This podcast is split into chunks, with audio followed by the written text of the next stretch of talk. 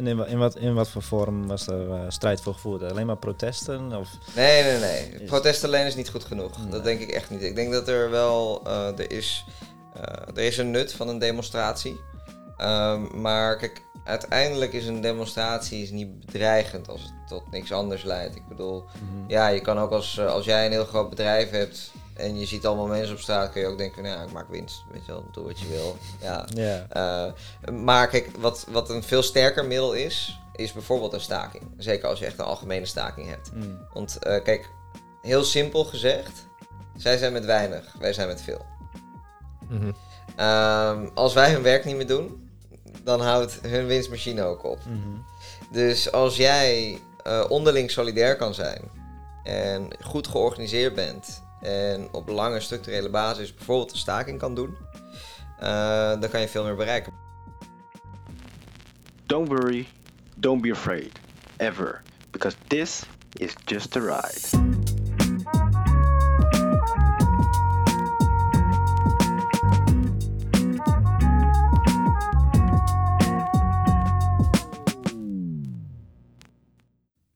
Yes, daar zijn we weer met een nieuwe aflevering. Vandaag de gast in onze nieuwe aflevering, Chris de Ploeg. Chris, allereerst bedankt voor het accepteren van onze uitnodiging.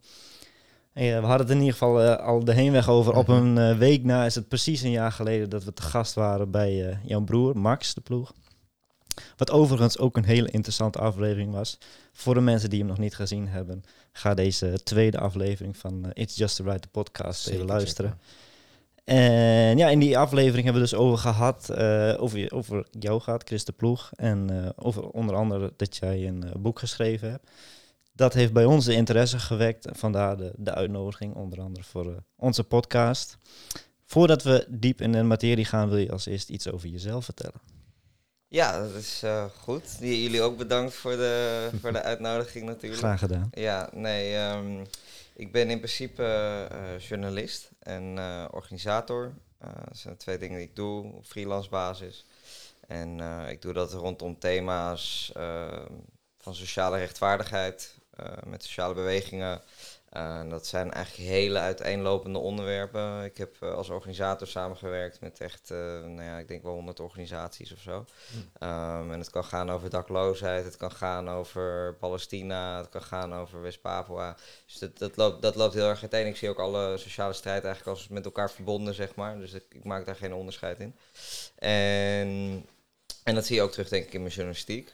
Eh, dat ik, ook, eh, ik heb dus ook over bijvoorbeeld aan Palestina geschreven. Ik heb over corona geschreven, over Oekraïne, dus nou een heel boek. Uh, ik denk wel, wat, wat je misschien ziet, is dat in ieder geval mijn schrijven, dus wat echt uit mezelf komt, dat ik iets meer focus ook op internationale rechtvaardigheid. Want ik denk dat daar de grootste, de grootste onrechtvaardigheid zit. Ja, zeg maar. in ieder geval ja, ook de grootste winst te behalen. vooral. Ja, laat Ja. zo, zo zou je het kunnen zeggen. Ja, ja, ja, ja. Ja, inderdaad. Oké, en eh, heb je, eh, je, je zegt je doet het op freelance basis, eh, hè, journalistiek in ieder Ja, geval. ja. Heb je daarvoor gestudeerd of is dat gewoon iets waar, nou ja, wat in je zit? Ja. Waarheidsvinding of ja, zeg het maar. Ja, ik denk, ik denk echt wel iets wat in me zit. Nou heb ik wel gestudeerd. Eh, ik heb een eh, bachelor gedaan, Liberal Arts and Science. is een beetje een vage term, maar betekent maak je eigen pakket. En dan zat ik een beetje binnen de sociologie, politicologie. Maar ik heb zelf nooit het gevoel gehad dat ik daar echt mijn, eh, mijn kennis vandaan heb gehaald. Eh, ik was eigenlijk al voordat ik überhaupt ging studeren, las ik al heel veel. Keek ik ook heel veel. En, eh, en ja, daar zit echt, die waarheidsvinding zit echt wel in mezelf. En ook toen ik studeerde was ik over het algemeen heel kritisch ook over wat we dan, wat we dan leerden. Dan had je zeg maar één, twee leraren die je wel mochten. En voor de rest was het een beetje een soort van bekvechten, zullen we maar zeggen. Ehm, dus nee, ik denk, ik denk in de eerste plaats eh, komt, dat, eh, komt dat echt uit, uit mezelf, ja. Mhm. Ehm, Ja. Wat ik me nog kan herinneren van de podcast met, met je broer, is dat ook dat, nou ja, een beetje uit zijn ervaring in het opgroeien hier in Nederland, dat daar misschien een beetje hè, dat, dat onrechtmatige gevoel, dat dat hem heeft doen aanzetten om een bepaalde richting op te gaan. Is dat voor jou hetzelfde? bedoel je... ehm, eh, bedoel je persoonlijke onrechtvaardigheid? Ja, bijvoorbeeld. Ja, Ja. volgens mij je broer heeft wel bepaalde zulke ervaringen gehad. Ja, ik, eh, ik weet, ja zo, zo zie ik het persoonlijk niet helemaal. Eh, ik vind het ook altijd een moeilijke vraag over van... eh, waar, waarom ik het dan ben. Ik kan Mhm. een hele concrete beginpunt aan, aan, aanleveren. Ik weet nog heel goed dat toen ik 15 was, toen had ik een documentaire gezien over de Prison Industrial Complex. Oh ja, Eh, Max bekend. Dat is- ja, Max, ja. ja, ja. Ja, hij had hem ook voor mij. Dus, Eh, ja, dus ik was er helemaal ingedoken. Ik heb nog een presentatie gegeven op school en alles. En, eh, maar dat is voor mij waar het balletje ging rollen, Mm. zeg maar. Dus voor de luisteraar die er niet mee bekend, in is, eh, bekend mee is, eh, in de VS heb je eigenlijk echt een grootschalige gevangenisindustrie. Deels ook geprivatiseerd, wordt ook winst opgedraaid. En eh, mensen worden daar gewoon in de VS massaal opgesloten. Meer dan eigenlijk elke andere samenleving in de wereld. Vrijwel elk, elk, elk groot land in ieder geval. En eh, als het gaat specifiek ook om racial profiling, zeg maar, de zwarte bevolking als zwarte man in, in Verenigde Staten heb je zes keer zoveel kans om in de cel te eindigen dan in apartheid Zuid-Afrika, zeg maar. Dus even om de schaal weer te Mm. geven. Mhm. En ik weet nog wat voor mij ehm, best wel.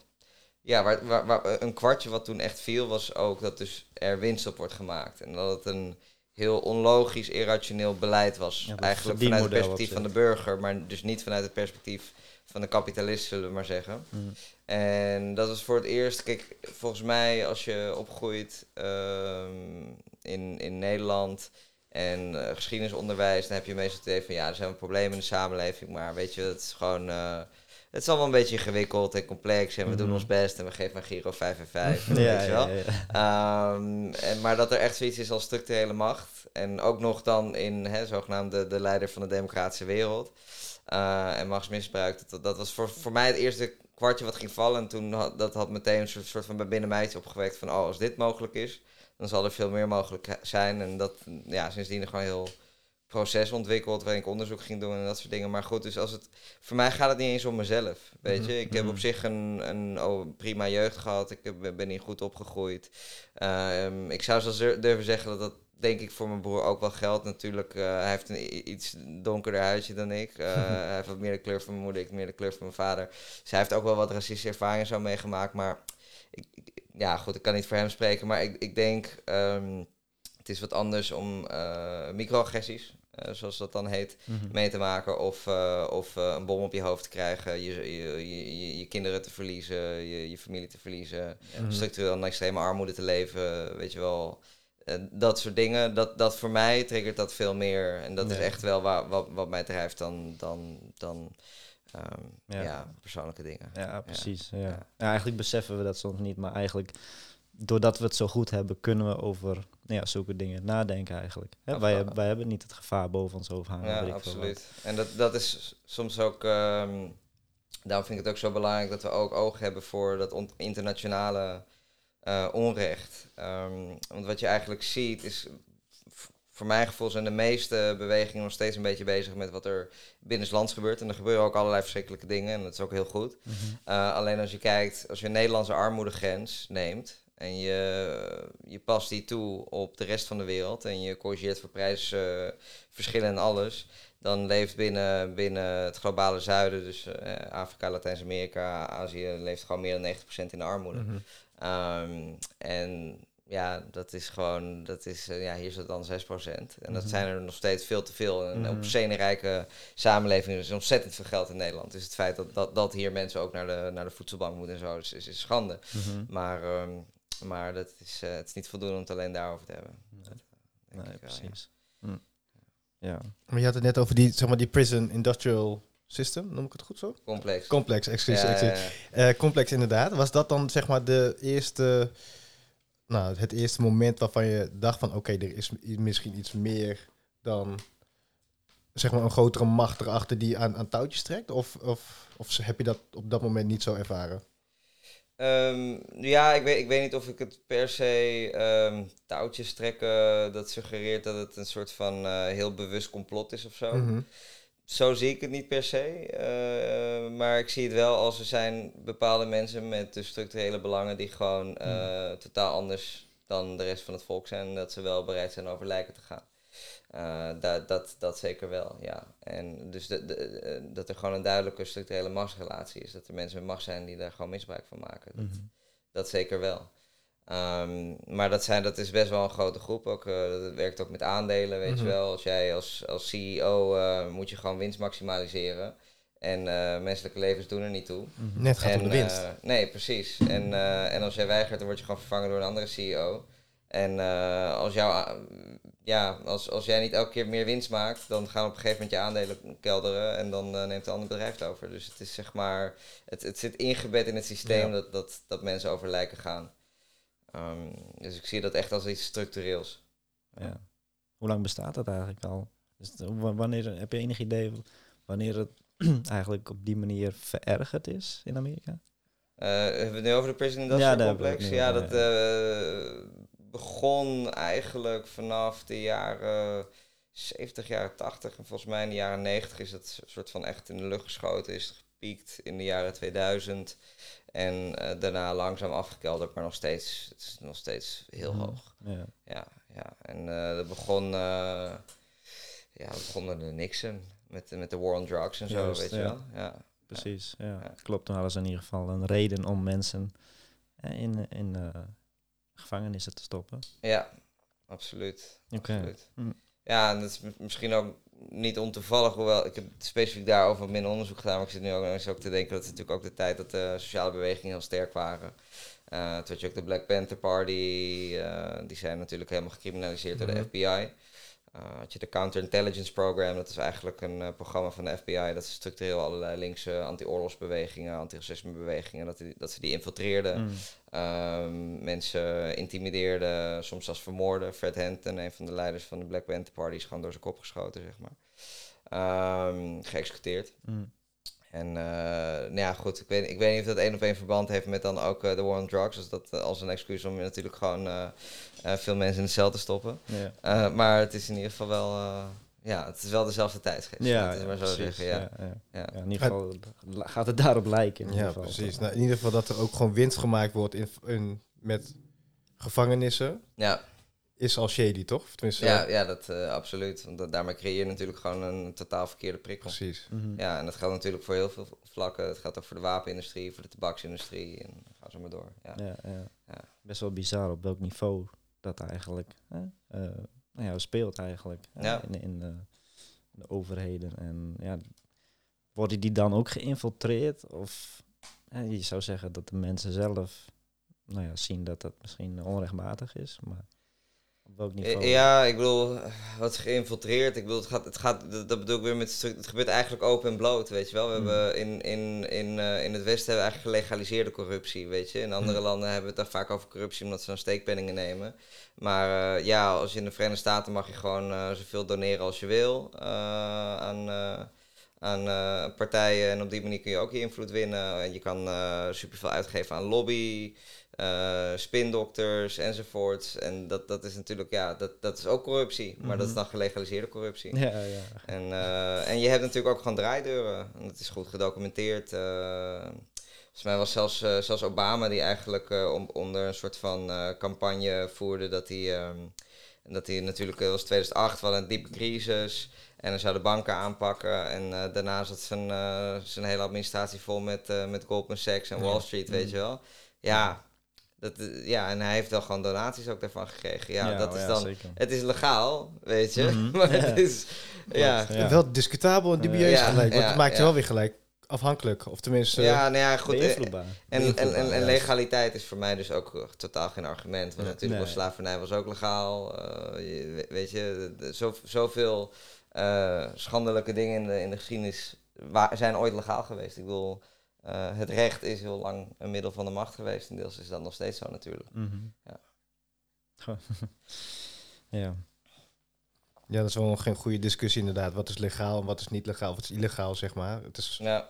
voor Mhm. iedereen anders in principe. Ja, ik bedoel, ehm, hè, om, het, om het extreme voorbeeld te, te nemen, is dan eh, natuurlijk eh Nazi-Duitsland. Een soort van, dat is ook wat, eh, wat Hannah Arendt zei toen zij eh, bij, eh, bij de trial of Eichmann eh, was. Dat was de, Eichmann was eigenlijk de hoofdarchitect van de Holocaust. Mhm. ehm, eh, die, die, die dat logistiek allemaal moest uitdenken.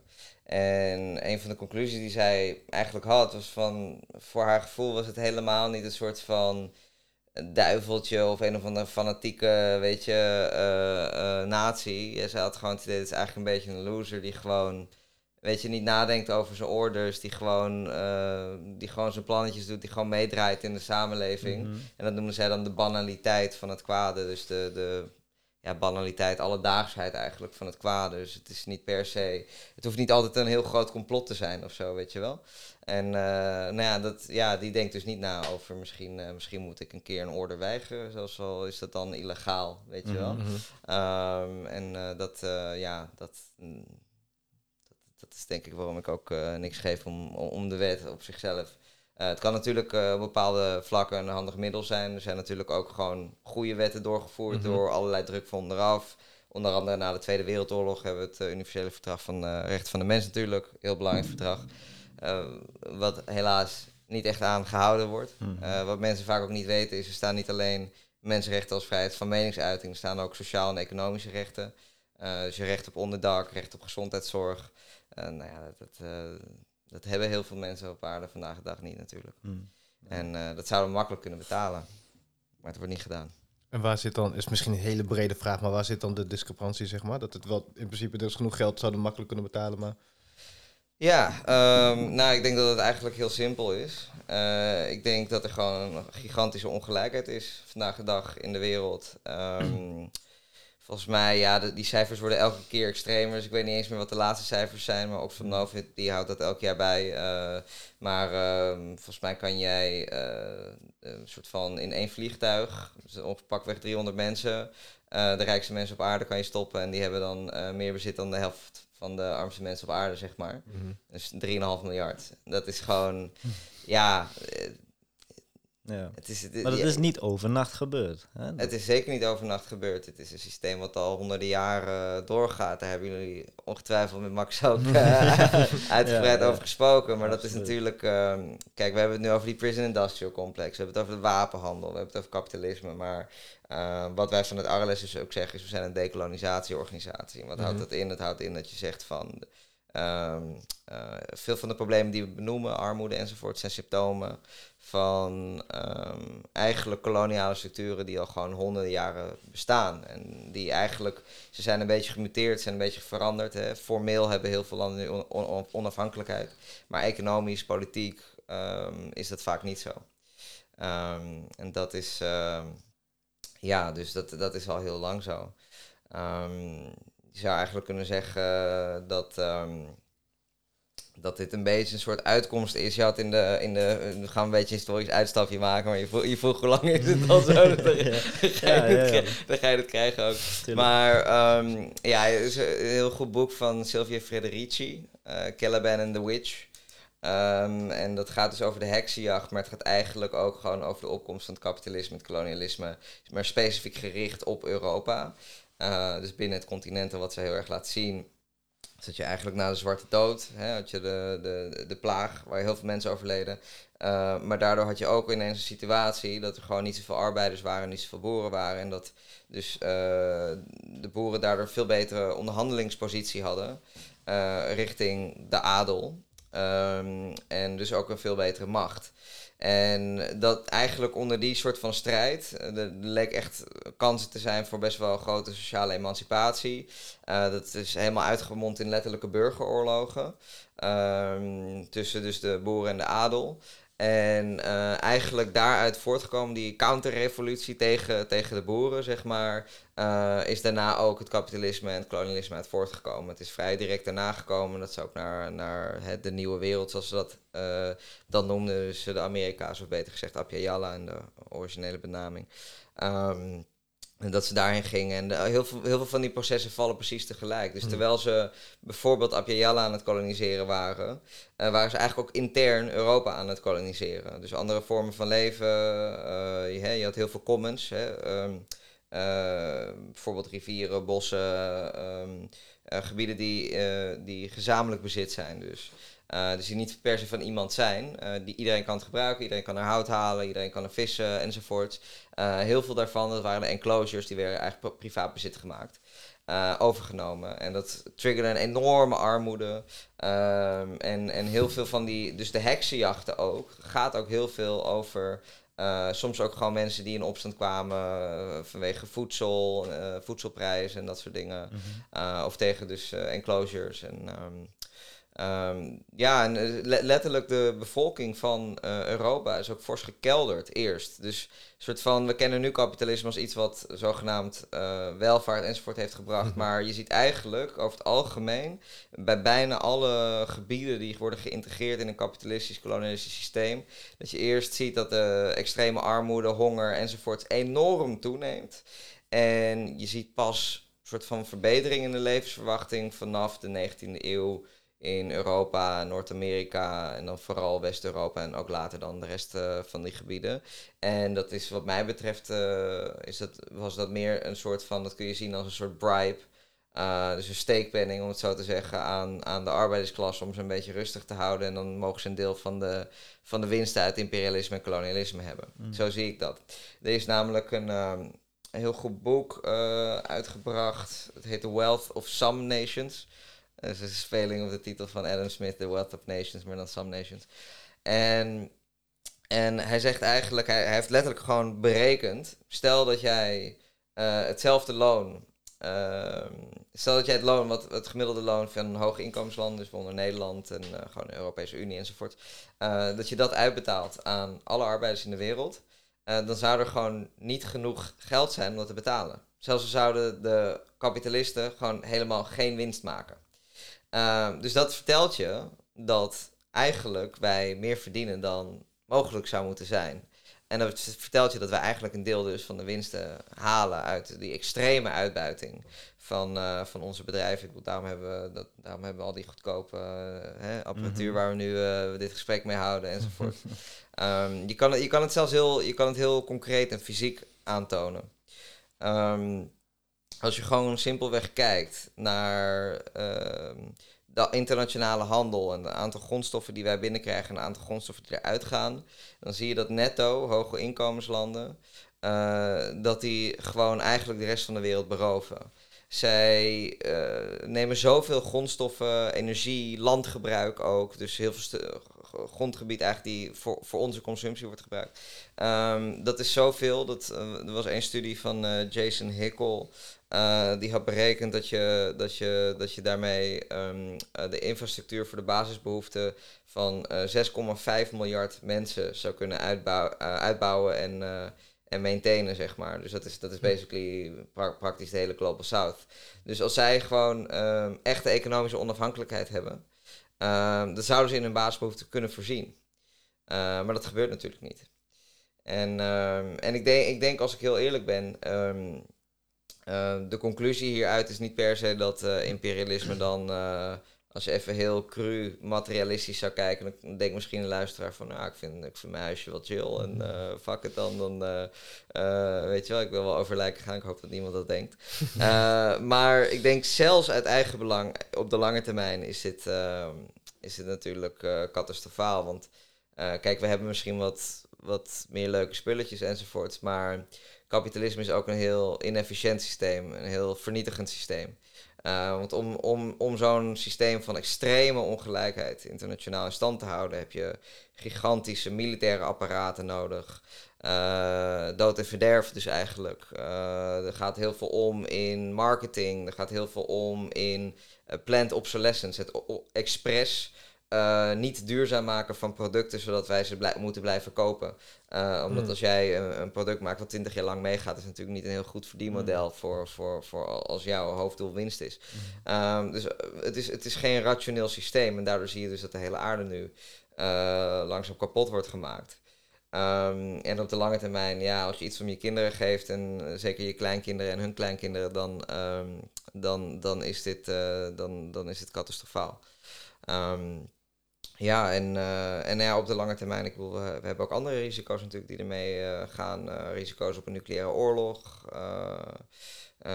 Risico's dat hè, in de Verenigde Staten heb je natuurlijk ook gewoon mensen die sterven in Irak. En er zijn nog veel meer Irakezen die sterven. Mm -hmm. hè, de Vietnamoorlog heb je gehad. Dus het, het is, het is ook uh, in, in Nederland natuurlijk de Indonesië-oorlog. Allemaal mensen, ook, alle, ook, ook Nederlanders en nogmaals veel meer Indonesiërs die gestorven zijn. Maar ook Nederlanders die daar moeten sterven voor, voor, ja, wat is het, voor operatieproduct heette mm -hmm. het letterlijk. Operatieproduct.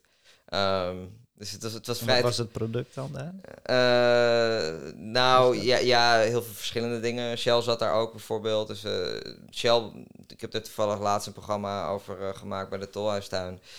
Maar dat weten veel mensen niet. Maar Shell die is eigenlijk groot geworden in Indonesië.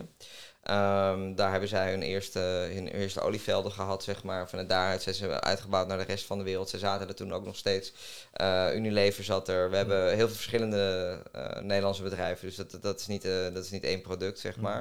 Uh, maar v- voor mij is die, die term is heel ehm, veelzeggend. Dat, het, was niet, e- het was eigenlijk niet eens een geheim, weet je. Het is gewoon, we komen daar gewoon onze, onze koloniale bezit eh, eh, Toe-eigenen. ja. En, ehm, en, eh, en dat is, en dat is we, we waren zelfs bereid eigenlijk, dat weten ook veel mensen niet. Dat is heel grappig, want ze hadden een soort propagandaverhaal ook dat ehm, eh, de Indonesische onafhankelijkheidsstrijders, dat waren eigenlijk een soort van jappen, zeg maar.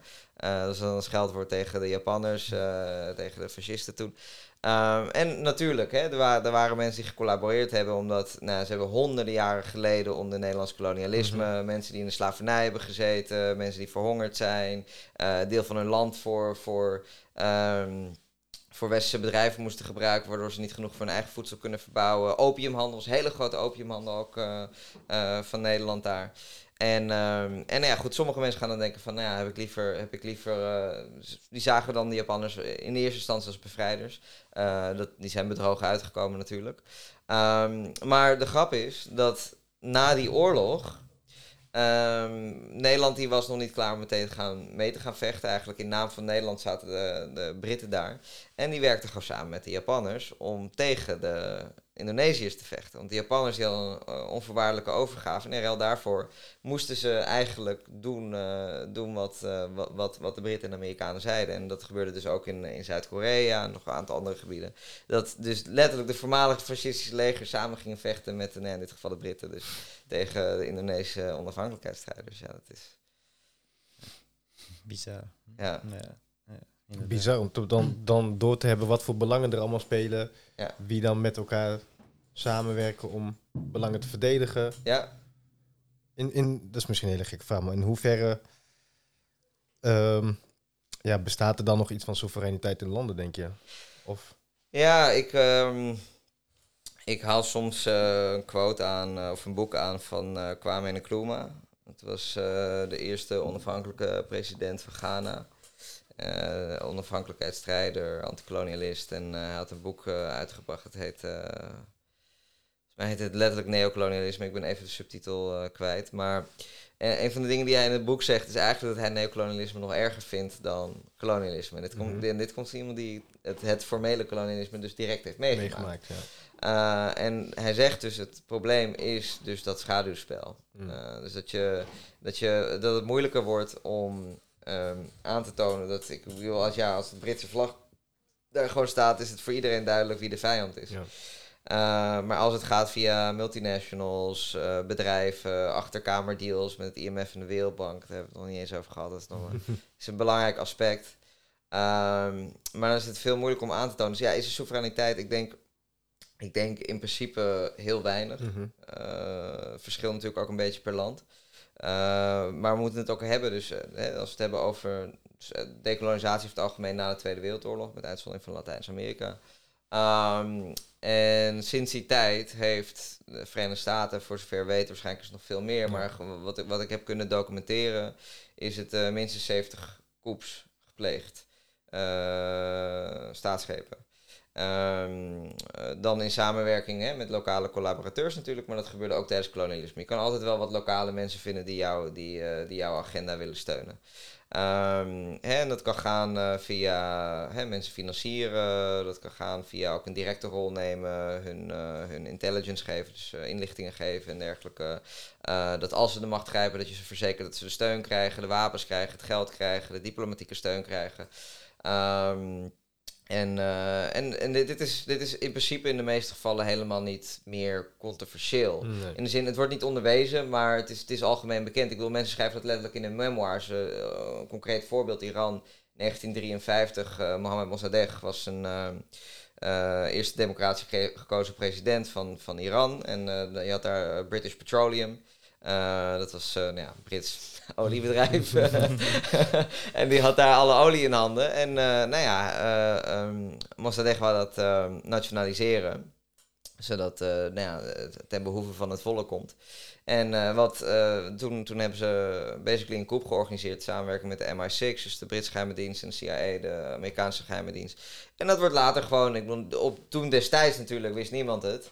Uh, misschien sommige mensen die heel kritisch zijn en, en, goed onderzoek doen. Maar, maar even na 30 jaar komen, komen dan de, uh, de, de via Freedom of Information Act. Er worden de files declassified, dus uh, vrijgegeven, documenten mm. vrijgegeven. Maar soms ook omdat het dan toch zo lang geleden is dat mensen er beginnen over beginnen op te scheppen in hun memoirs die mm. dan betrokken zijn. Weet je wel, van oh, wat heb ik dat knap gedaan. Nee. Um, dus dat is in de meeste gevallen niet eens controversieel. De heel, veel, heel veel van een goed boek is William Blum Killing Hope. Hij uh, werkte ooit voor de Amerikaanse overheid, heel kritisch geworden daarna. En die heeft een heel uitgebreid boek geschreven. Dus eigenlijk waar dat was. Heel lang was dat eigenlijk het boek mm-hmm. uh, over dit onderwerp. Het was eigenlijk een soort encyclopedie van alle koeps. Ja. um, maar hij heel veel uh, persoonlijk had meegemaakt, of in ieder geval. Ja, ik, ja en nee. Ik bedoel, uh, je, je, er zijn er zoveel dat kan je nooit allemaal persoonlijk hebben meegemaakt. Ik wil voor hem hebben persoonlijke dingen natuurlijk een drive gegeven, maar uiteindelijk heeft hij heel veel gewoon onderzoek gedaan. Uh, maar echt op basis van over het algemeen dus memoirs of uh, directe documenten van de van, van, van de Amerikaanse overheid zelf enzovoort. zeer goed gedocumenteerd boek. Een soort encyclopedie, maar hij is, hij is een aantal jaar geleden overleden, dus nu, nu wordt het niet meer bijgehouden. Maar volgens mij op basis van zijn boek was, waren het er al een stuk of uh, 50. Mm. Dus uh, nee, dus en, en, en, en, en wat er gebeurt is, kijk, uh, bijna altijd zijn, dus ik, ik gaf net een voorbeeld van Mohamed Mossadegh. Uh, ander voorbeeld is Jacobo Arbenz uh, in uh, Guatemala, dat was 1954 volgens mij. En um, nou, hij wou een kleine landhervorming doen. de informatie, was hij, hij was ook de eerste democratisch gekozen president, was lange lijn aan dictaturen geweest. Werkte samen met, met het grote bedrijf van, van de Verenigde Staten, in speciaal United Fruit Company. Dat is vandaag de dag Chiquita. Uh, Amerikaans bedrijf. Uh, die, hebben, die hebben naam maar aangepast omdat ja. ze zoveel schandalen hebben. Maar, um, maar United Fruit Company, dat was, um, die had dus uh, bijna al het land in handen daar.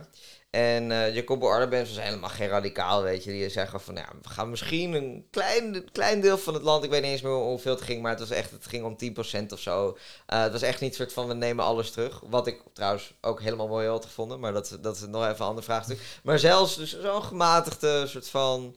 Beetje sociaal-liberale leider die, uh, nou ja, die toen, toen heeft de United Fruit Company heeft, een man in dienst genomen genaamd Edward Bernays. toen, hij, toen hij dat aankondigde. Edward Bernays die werkte voor de hele, hele interessante figuur. Die werkte voor de propagandadivisie van de Verenigde Staten in, tijdens de Eerste Wereldoorlog. Toen heette dat nog zo, nu heet dat Public Relations. Hij heeft, die hij, hij heeft letterlijk, maar dat is echt zo. Uh, dat heette gewoon toen de Department of Propaganda. En hij heeft dus die term aangepast omdat hij dus zei dat dat uh, ja, een beetje vies klinkt. Mm-hmm. klinkt. Dus het is, geen goede propaganda om jezelf propaganda te zeg maar. en, uh, en hij heeft die term dus gecoind, zeg maar. En, en hij is daarna ook in de private sector gaan, gaan werken. En heel, heel, heel invloedrijk geworden binnen van hoe, hoe kun je mensen eigenlijk manipuleren. Daar heeft hij ook over, openlijk over geschreven. hij is ook tegen democratie. In, in, de zin van dat hij vindt dat, dat, dat eigenlijk het, het volk ge, gemanipuleerd moet worden. Mm-hmm. Um, gecontroleerd. Om, uh, gecontroleerd moet worden omdat ze te dom zijn, weet je wel. Dat soort, dat soort elitaire ideeën mm. om uh, goede beslissingen te maken. Ja. Maar goed, hij werd aangenomen dus door de United Fruit Company. En uh, nou ja, wat ging hij doen? Hij ging doen wat, wat daarna eigenlijk een, een, standaard script werd, 30 jaar lang was. Gaan zeggen van, oh, het is een communistische overheid.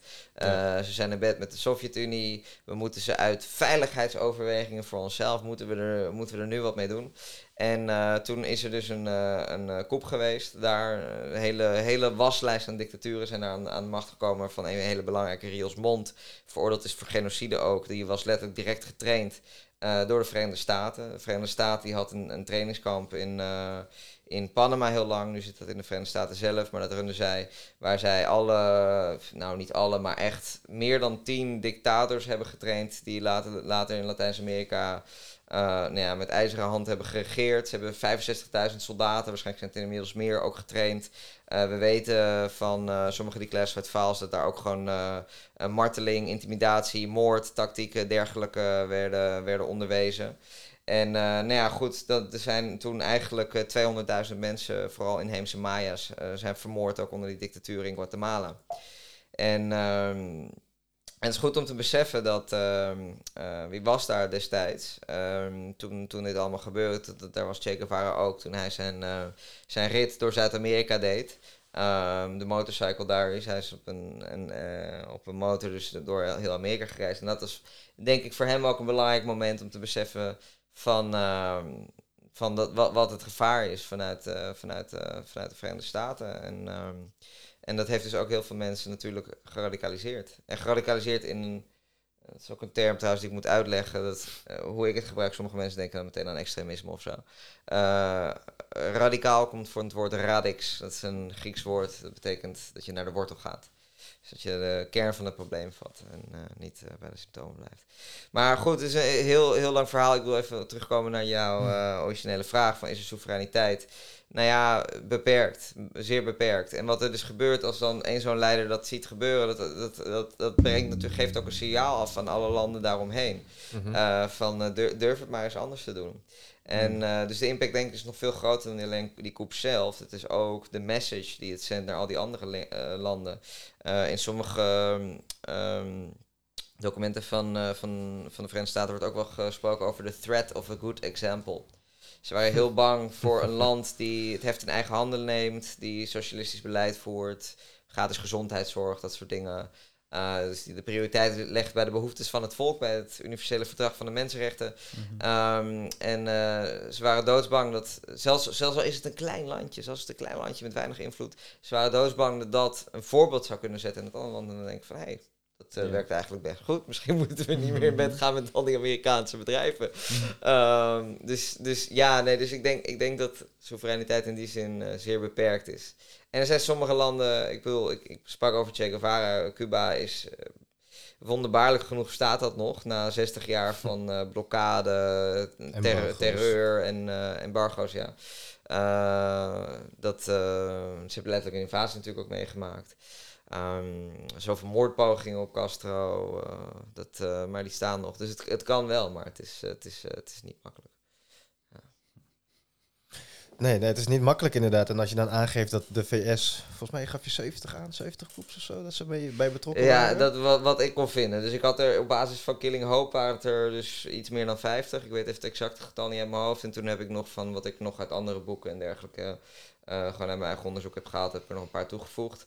Uh, ik heb de hele lijst in een voetnoot gestopt van een artikel wat ik had geschreven. Uh, Westers imperialisme is nog steeds het probleem, niet China.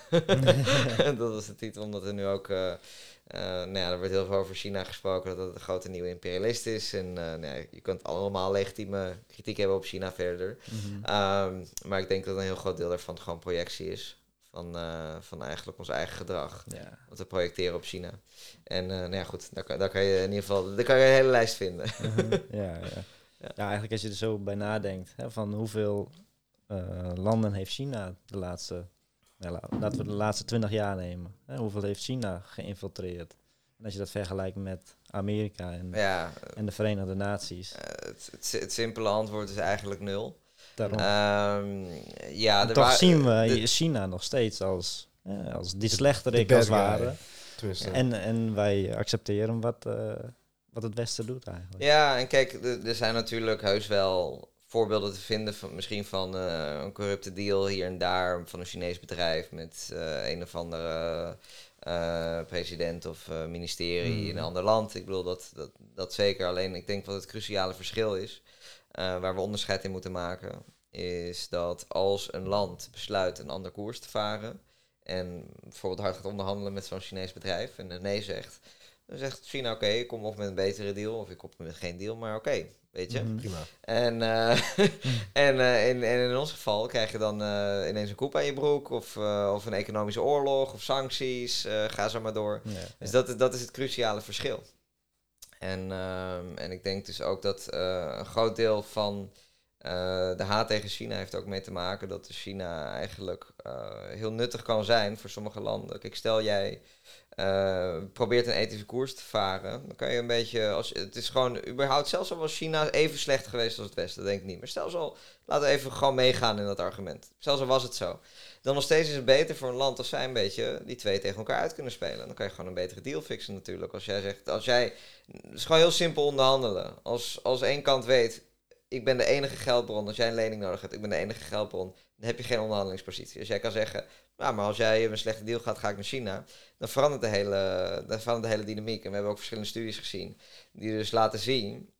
Dan kan ik nu misschien over de EMF en de Wereldbank gaan hebben, waar ik het mhm. eerder over had. Een heel, heel belangrijk mechanisme is. Waarin dus uh, landen vandaag de dag worden gedomineerd. Sinds de Tweede Wereldoorlog. Uh, en dat zijn uh, twee westerse banken. Officieel zijn het internationale banken. Maar als je kijkt naar stemrecht, gaat, gaat via geld, aandelen. En dat, dat, wordt helemaal door het Westen gedomineerd. En Um, wat je eigenlijk ziet is dat zij, uh, zij hebben een, een monopolie dus op, uh, op, uh, op, op leningen. ook als een soort gatekeeper. Dus ook vaak commerciële banken die willen pas met je in zee gaan als, als, als je met het IMF in zee bent gegaan. En, ehm, en dan zeggen ze, oké, dan geef je een lening. en vaak heb je überhaupt die lening nodig nog door koloniale schulden. Uh, letterlijk, uh, ik wil uh, bijvoorbeeld na de afschaffing van de apartheid werden al die schulden gewoon overgeheveld naar de nieuwe regering. Uh, hetzelfde geldt voor na het kolonialisme in Indonesië. Indonesië heeft nog heel lang geld lopen betalen aan Nederland, notabene. Ehm, dus, dus heel veel van die schulden zijn sowieso al malafide, zeg maar, waar het vandaan komt. Maar je zit dan in een visuele cirkel. Oké, je, hebt dan, uh, je hebt dan weer meer geld nodig, want je, hebt, uh, je moet ook nog die schulden afbetalen enzovoort. Uh, en je hebt natuurlijk gewoon een economie die helemaal afhankelijk is geworden van het Westen door 400 jaar kolonialisme. En vervolgens zeggen ze, oké, maar er zijn voorwaarden aan verbonden.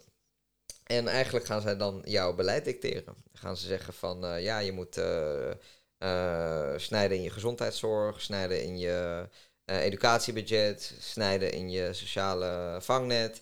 Um, en op die manier zie je gewoon, en dat, dat de ergste periode zeker, uh, dat ze dat echt structureel begonnen te doen vanaf de jaren 80, jaren 90 was het, was het echt verschrikkelijk. En je ziet dus dat sinds de opkomst van China, dat, um, dat daar, het gebeurt nog steeds hoor, absoluut, maar dat dat net wat minder goed lukt.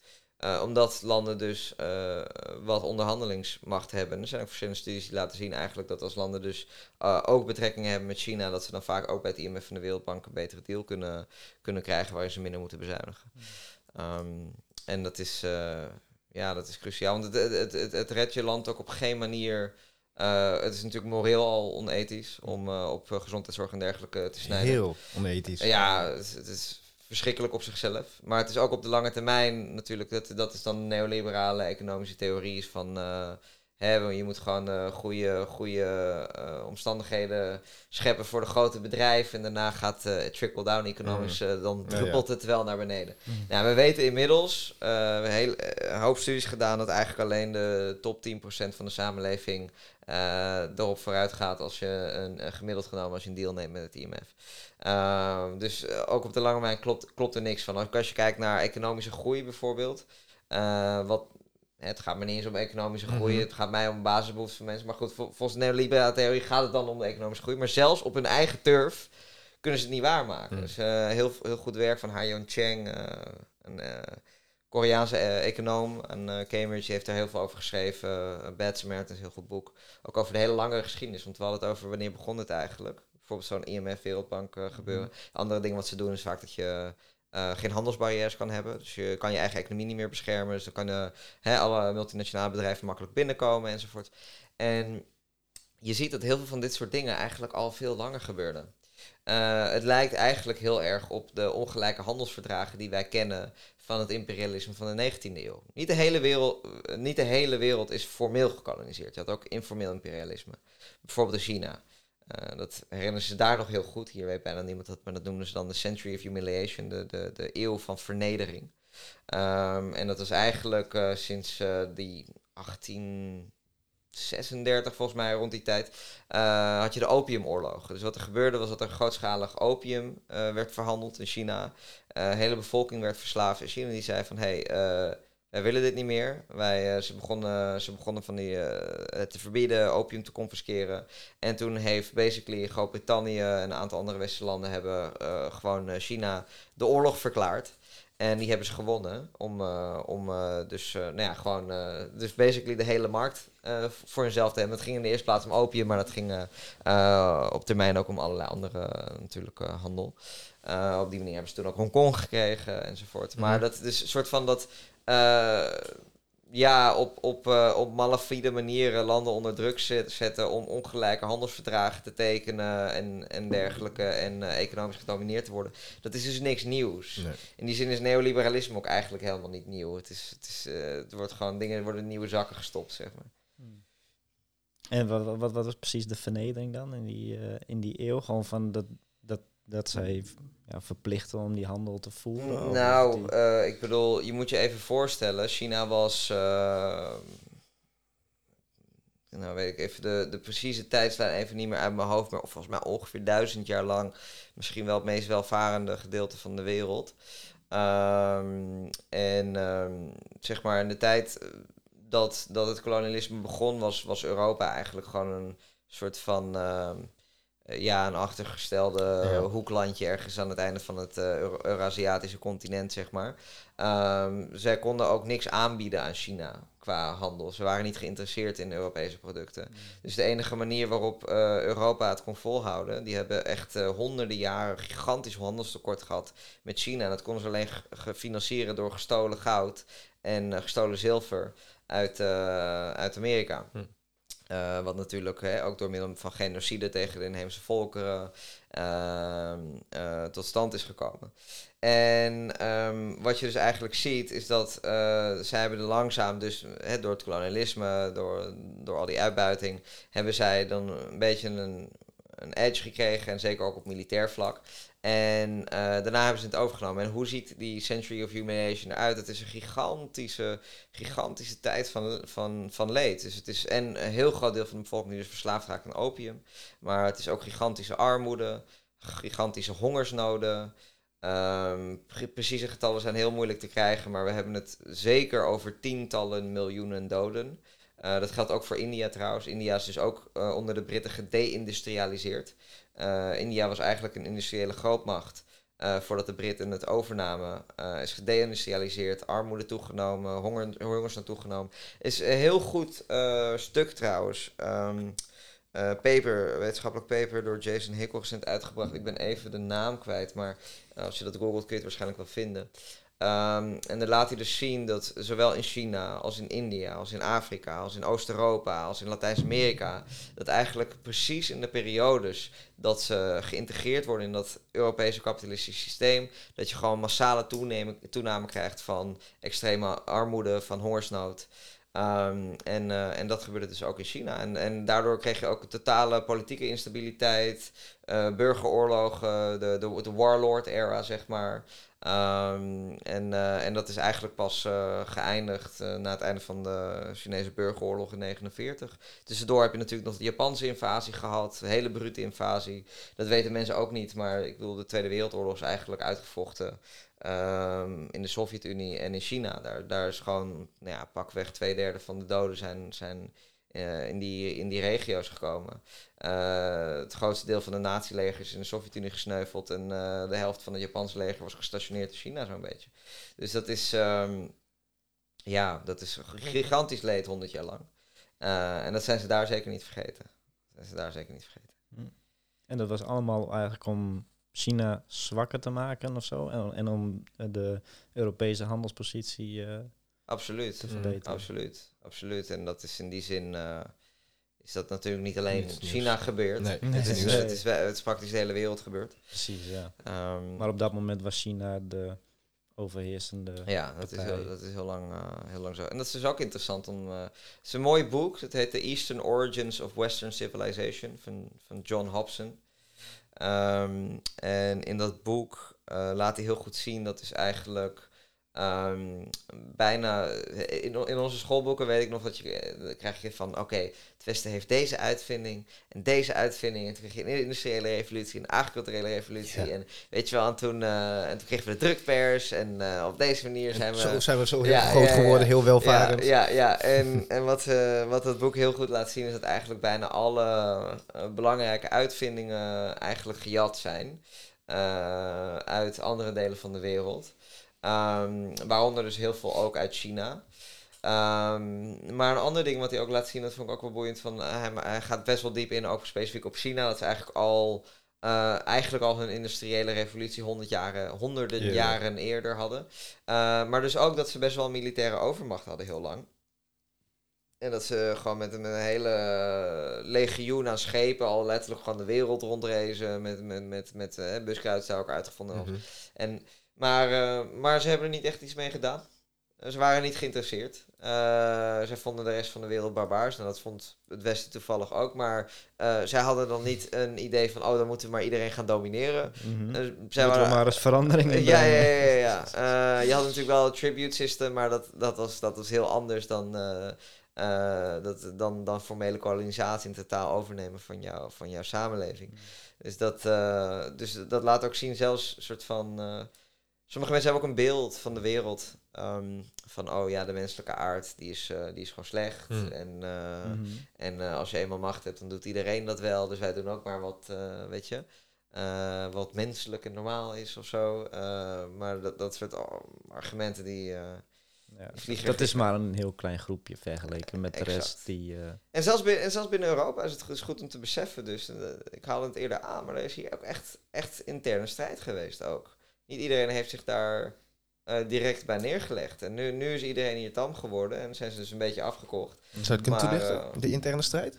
Nou, daar had ik het over, over die burgeroorlog eigenlijk, als we het hebben Mhm. over de 15e, 16e, 17e eeuw. Eh, hè, de boerenopstanden in Duitsland en andere, en andere delen, de heksenjachten. Dus eigenlijk wat, wat niet alleen over eh, heksen per se ging, maar vaak zijn, waren dat ook eh, onafhankelijke vrouwen die in protest waren gekomen tegen een of andere voedselprijsstijging. Ehm, dus dat is eh, ehm, de grootschalige executies ook voor, voor, van, van, van mensen die in protest kwamen. Ehm, en die, die, hele, ja, die hele interne strijd, dus die, die moest hier ook eerst gevoerd worden voordat mensen dat gingen accepteren. Dus dat, ja. Bijzonder. Als je dan een vergelijking, is misschien een gekke vergelijking, maar als je dan een vergelijking zou trekken naar vandaag de dag 2022 met eh, wat je dan in Nederland eh, met het boerenprotest bijvoorbeeld, heb je daar, zie je dan bijvoorbeeld gelijkenissen of, of kan je dat correleren aan elkaar? Of, Ja, ik, eh, nou, ik, ik ben geen expert op de Snap boerenprotesten, dus ik, ik, ik ga er niet te veel over zeggen. Maar ik, ik zelf krijg ehm, eh, van de basisfeiten die ik wel ken. Eh, zie ik de boerenprotesten vandaag de dag niet in dezelfde traditie als de boerenprotesten van de 15e eeuw. Mhm. In de zin van dat, ehm, eh, en dat zijn natuurlijk zeker niet alle boeren, maar een soort van grosso modo in het algemeen zijn boeren in Nederland eh, relatief welvarend. Eh, sowieso zijn er extreem veel subsidies vanuit de Europese Unie voor landbouw. Mhm. Eh, dat is ook een heel groot probleem vanuit het perspectief van internationale rechtvaardigheid. Want je ziet dus eigenlijk dat daardoor, eh, door die subsidies, dat gebeurt ook in de Verenigde Staten, dat, dat wij andere markten kunnen overspoelen met veel goedkopere waren, omdat wij dat gaan subsidiëren. Ja. Dus wij zeggen, oh jij mag je markt niet beschermen, maar wij gaan wel op de enige gebieden waar jij een competitive edge hebt, Mhm. gaan we jou, ga, gaan, we, gaan we toch scheid hebben aan die regels, weet je wel. Ehm, dus ja, dus ik, ik, ik, ben, ik ben zelf een beetje, een beetje sceptisch over, over die boerenprotesten. Eh, ik zie dat niet per se als, als, ehm, een, de- ja, als echt solidair. En, een soort van dat is, en dat is ook waarom ik, waarom ik begon hè, van, met dit interview van, van de, het belang om dingen ook wat breder en internationaler te bekijken. Mhm. Ehm, ja, dan ziet, het er, dan ziet het er allemaal, ziet het beeld er best wel anders uit. En Mm. eh, ik denk wat wij, wat wij nodig hebben, bijvoorbeeld als we het hebben over eh, landbouw. ehm, hè, we hebben nu natuurlijk klimaatprobleem, CO2-uitstoot. Nou, je kan in principe ook best wel veel CO2 opnemen in de grond. Eh, hè, leven neemt in principe CO2 op, carbon zit, zit, zit in alles. Dus, ehm, dus het gaat niet alleen om bomen groeien, die nemen natuurlijk CO2 op, maar ook de organische materialen in de bodem, eh, die nemen CO2 op. En als jij op een agro-ecologische manier, dat is een beetje een fancy term, maar dat betekent eigenlijk gewoon dat je, dat je jouw landbouwsysteem integreert met ecologie, met, met eh, biodiversiteit. Mhm. Uh, en hoe meer biodiversiteit, hoe meer biomassa je in de grond bouwt, hoe meer ze het kunnen opnemen. Wat wij doen, is precies het omgekeerde. Uh, een soort van wat. En dat was, is nog niet heel lang zo. Dat is eigenlijk in de Tweede Wereldoorlog opgekomen. Uh, om massaal snel uh, voedsel te kunnen produceren. Um, en wat ze dan uh, deden was dat je dan chemicaliën gaat gebruiken, dus industriële ja. landbouw. Ja, zo efficiënt en mogelijk. Zo efficiënt mogelijk. En dat is op korte termijn kan je dan misschien even, hè, monoculturen ook, dus juist geen biodiversiteit. Mm -hmm. En dan kun je misschien op de korte termijn even kan je, kan je, je, je, je productie omhoog halen, maar langzaam degrade je je soil. Mm -hmm. Dus het is, uh, en, en dan krijg je minder en minder winsten, moet je meer chemicaliën gebruiken. Die koop je natuurlijk van de bedrijven. dus het is een perfect verdienmodel natuurlijk, want je hebt meer en meer nodig. Ben je weer en afhankelijk? Ben je weer afhankelijk. Uh, en je ziet dat uh, dus zeker in het globale zuiden, zoals we het willen hebben over boerenprotesten, dan heb ik het liever over de boerenprotesten in India. Mm. Uh, waar, waar gewoon 300 miljoen mensen de straat op zijn gegaan. Dat waren eigenlijk volgens mij to date de grootste protesten ever. Mm. Maar uh, dat misschien is heb ik er echt niet gemist. heel lang geleden. Nee, volgens mij was dit 2019, rond die tijd. Ja, Ja. dat is uh, vrij recent. Um, en je ziet dus dat daar... En, en heel veel daarvan was dus ook weer een soort van uh, beleid om revolutie te onderdrukken. Want zij, Mhm. mm zij dat was echt een soort van... uh, Oké, okay, we moeten nu snel de productie verhogen... Uh, om, want ja, hoe, hoe, hoe kun je een sociale revolutie voorkomen zonder, um, zonder een herverdeling te doen van de welvaart? Oh ja, dan moet je gewoon meer gaan produceren. Dus dit werd heel erg gepusht door de Verenigde Staten, in India, in Mexico, allerlei verschillende delen van de wereld. Alleen op lange termijn heeft dat natuurlijk gigantische problemen met zich meegebracht. Sociale problemen, menselijke problemen, uh, catastrofaal. Uh, maar dus ook klimaatproblemen. Uh, omdat, de, omdat de bodem dus uh, ook veel minder CO2 is gaan opnemen. We kunnen, we, het is heel moeilijk, we weten helaas, er wordt ook te weinig onderzoek naar gedaan. Want er is natuurlijk ook, er zijn geen belangen bij voor, mm. voor agrico- e ecologische landbouw. Dat, dat is, daar kan je niet heel veel geld mee verdienen, als het ware. Mm -hmm. um, hoewel trouwens de voedselproductie heel stabiel is. Uh, je zou wel de hele wereld kunnen voeden, maar je hebt er dan niet een, een verdienmodel voor een of ander bedrijfsmonopolie. Mm. Um, maar um, nu, ben ik even, nu ben ik even je vraag kwijt waar, ik, waar ik hiermee naartoe ging. Maar um, ja, goed. Ik, ik, ik zie dus wel, dus als ik kijk naar boeren, mm -hmm. uh, dan kijk ik naar boeren in het globale zuiden. Daar zitten ook de meeste boeren. Yeah. En uh, ja, dus het ging over hoe ik eigenlijk naar die boerenprotesten keek. Mhm. uh, en dan denk ik dus, dan vind ik het ook jammer om te zien dat dan... eh, er zijn er trouwens wel hoor. Je hebt ook eh, progressieve boerenorganisaties in, in Nederland, Toekomstboeren. Ehm, de grootste eh, boerenorganisatie in de wereld is Via Campesina. Eh, en die zit eigenlijk in dus de hele, letterlijk de hele wereld. Volgens mij, volgens mij zelfs letterlijk elk land. Um, en uh, die zijn ook heel groot in Latijns-Amerika. En uh, heel veel leden zitten ook een soort van. Dat is de koepelorganisatie, maar er zitten ook wat organisaties in Nederland die, die daaraan verbonden zijn. Maar die, die hebben een veel, vind ik, een veel radicalere boodschap. Want die zeggen niet alleen van: oh, we willen geen milieubeleid. Nee, die zeggen juist van: we willen van de grote bedrijven af. We willen van dit landbouwsysteem af. en dan zet je de vinger op de, op de goede plek, volgens mij. Dus je moet ook opletten. Soms worden ook, um, uh, volgens mij werden de boerenprotesten ook normaal. Ik ben geen expert, ik heb, ik, ik, ik, Nee, ik heb het een klein beetje gevolgd, maar volgens mij kregen ze ook best wat, uh, wat geld ook van, van verschillende bedrijven met belangen daar. En ik denk dat het goed is om te beseffen van. Um, um, er, zijn, er zijn grote problemen, daar is iedereen het over eens. maar hoe je ze oplost, ehm, daarin kunnen we ook best wel gemanipuleerd worden, natuurlijk. Um, en ma maak, werk je echt aan structurele oplossingen die alles integraal gaan aanpakken? Of is het, uh, is het weer een of andere bedrijfsagenda of een hele specifieke Mhm. belangen van een kleine specifieke groep? En, uh, en dat, is waar je, dat is waar je heel scherp op moet zijn. Mhm. Nog even terugkomen op die uh, boeren in India. Wat was nou precies de oorzaak van, van die protesten daar dan? Want ook uh, volgens mij een hele grote zadenbedrijf, Monsanto, die Ja. had er ook behoorlijk wel wat invloed op. Is dat omdat hun manier van nou ja, uh, boeren als het ware, hun manier van uh, telen in, in gevaar kwam of zo? Of? Ehm, ik, eh, om heel eerlijk te zijn, ik, eh, het is alweer een tijdje geleden en ik heb er niet specifiek onderzoek op gedaan. Maar als ik me goed herinner, ging het om. eh, de aanleiding was een specifiek wetsvoorstel. Eh, en ik weet even niet meer wat daar exact in stond. Maar goed, de aanleiding is altijd de aanleiding. Mhm. Eh, de, de grondoorzaak van grote protesten zijn vaak veel structurelere problemen. En dan zit dat veel meer in, ehm, in dus bedrijven als Monsanto eh, en, en andere bedrijven die, die dus die boeren afhankelijk hebben gemaakt van chemicaliën, Mhm. van, eh, van hun zaden Ja. eh, en dergelijke. En, en dat, dat zij daar gewoon eh, niet, niet mee rond kunnen komen. Dus dat, is die, dat noemen ze dan de groene revolutie, heette dat, dat destijds. Mhm. En dat is dus ook heel erg gepusht met geld vanuit de Verenigde Staten. En dat, dat, zijn, dat zijn de grondoorzaken. Dan weet ik de details dus even niet meer Nee, precies van... ja. Dat hoeft ook niet. Je kan ook niet alle. details Nee, ja, we gaan ook alle kanten op van eh, Ja, alle delen van de wereld en honderden jaren geschiedenis. Dan, eh, dan, dan, dan moeten we Ja, soms een ja, beetje... ja, Ja, klopt. Als we alle details moesten benoemen, dan zitten we hier nog wel even. Ja, ja. Ja, nee, maar is wel, eh, wel interessant. Wat ik ook interessant vond, is dat eh, stukje subsidie wat je aangaf. Dat het in principe heel veel wordt gesubsidieerd natuurlijk. Ja. Ehm, maar ook bijvoorbeeld de subsidies die dan vanuit het Westen dan bijvoorbeeld naar Afrika gaan bijvoorbeeld.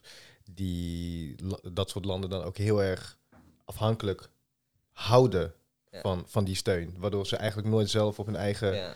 En dan, nu, Binnen hebben, nu, nu hebben we het een beetje, dat zijn niet per se subsidies, maar nu hebben we het meer over de soort van de NGO's, de Giro 555 en, en, en Mm. dat soort dingen, Mhm. denk ik. Hè? Mhm. Ja, ehm, dat, dat, dat, dat, is ook dus boeiend om te zien. Ik zei al eerder van in de jaren 80, jaren 90 had je heel erg die opkomst van het IMF en de Wereldbank. Eh, dus dat eigenlijk overal de gezondheidszorg werd weggesneden, de educatie werd weggesneden. En ik gebruik soms in een eh, presentatie gebruik ik een grafiek.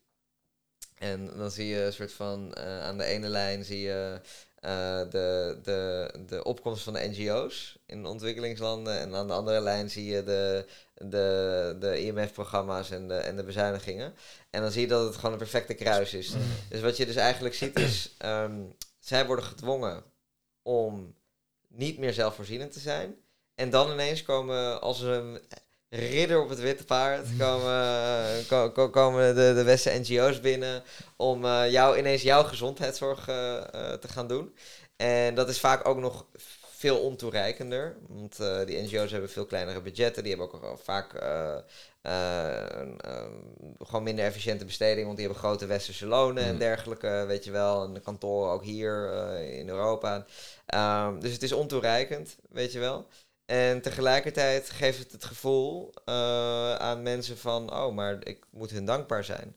En dat is ook de picture die wij hier krijgen, weet je wel. Van eh, hè, al die zielige beelden van verhongerende kinderen in Afrika... of eh, wherever Mhm. the next eh, thing is, zeg maar. En eh, oh, nou, ja, is wel erg. Oké, nou, ik geef wat geld aan Giro 555... en dan kan je weer even goed voelen. En, eh, en, eh, en, en dat is, dat is waar, waar ik het interview mee begon. Dat is zeg maar het wereldbeeld wat je heel erg meekrijgt. Van, oh ja, er, er, zijn, er zijn gewoon arme mensen. Er Ja. zijn gewoon, we weten niet zo Is goed waarom. Het is gewoon zo. Ja. En eh, oké, nou geef maar wat Dan aan Giro we wat. 555. Zijn Ik voel me zo goed. Ja, eh, ja. Weet je wel?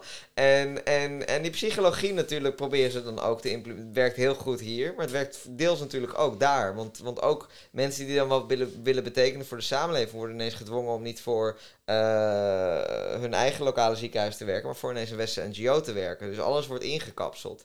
Eh, en je merkt dat heel veel van die NGO's gewoon niet heel kritisch durven zijn. Weet je, die durven niet politiek te zijn. Weet je, dan krijg je een invasie van Afghanistan, een invasie van Irak. En letterlijk daarachteraan komen alle NGO's om daarna de troep op te ruimen. Ja. En iemand die zich afvraagt, waarom zijn we hier eigenlijk? Eh, en die zich daar openlijk over uitspreekt. Ik wil ze- zelfs in zo'n blatant case. Ik wil, dat gaat niet eens over. Ik heb het dan niet eens over. Hoef je helemaal geen kennis te hebben van de IMF van Wereldbank. Nee, dat is gewoon een invasie, Mhm. weet je wel. Mhm. Maar ja. Ja, aan de andere kant is het natuurlijk ook wel zo. Het is misschien heel gek om te zeggen, maar eh, ja, zodra er een invasie is, weten zij in ieder geval wel dat ze de boel kunnen opruimen. Nou, Ik zou bijna zeggen werkverschaffing, maar goed, het is Ja. misschien een heel gek woord. Maar Nou ja, ik denk, ik denk in sommige gevallen heb je zeker gelijk.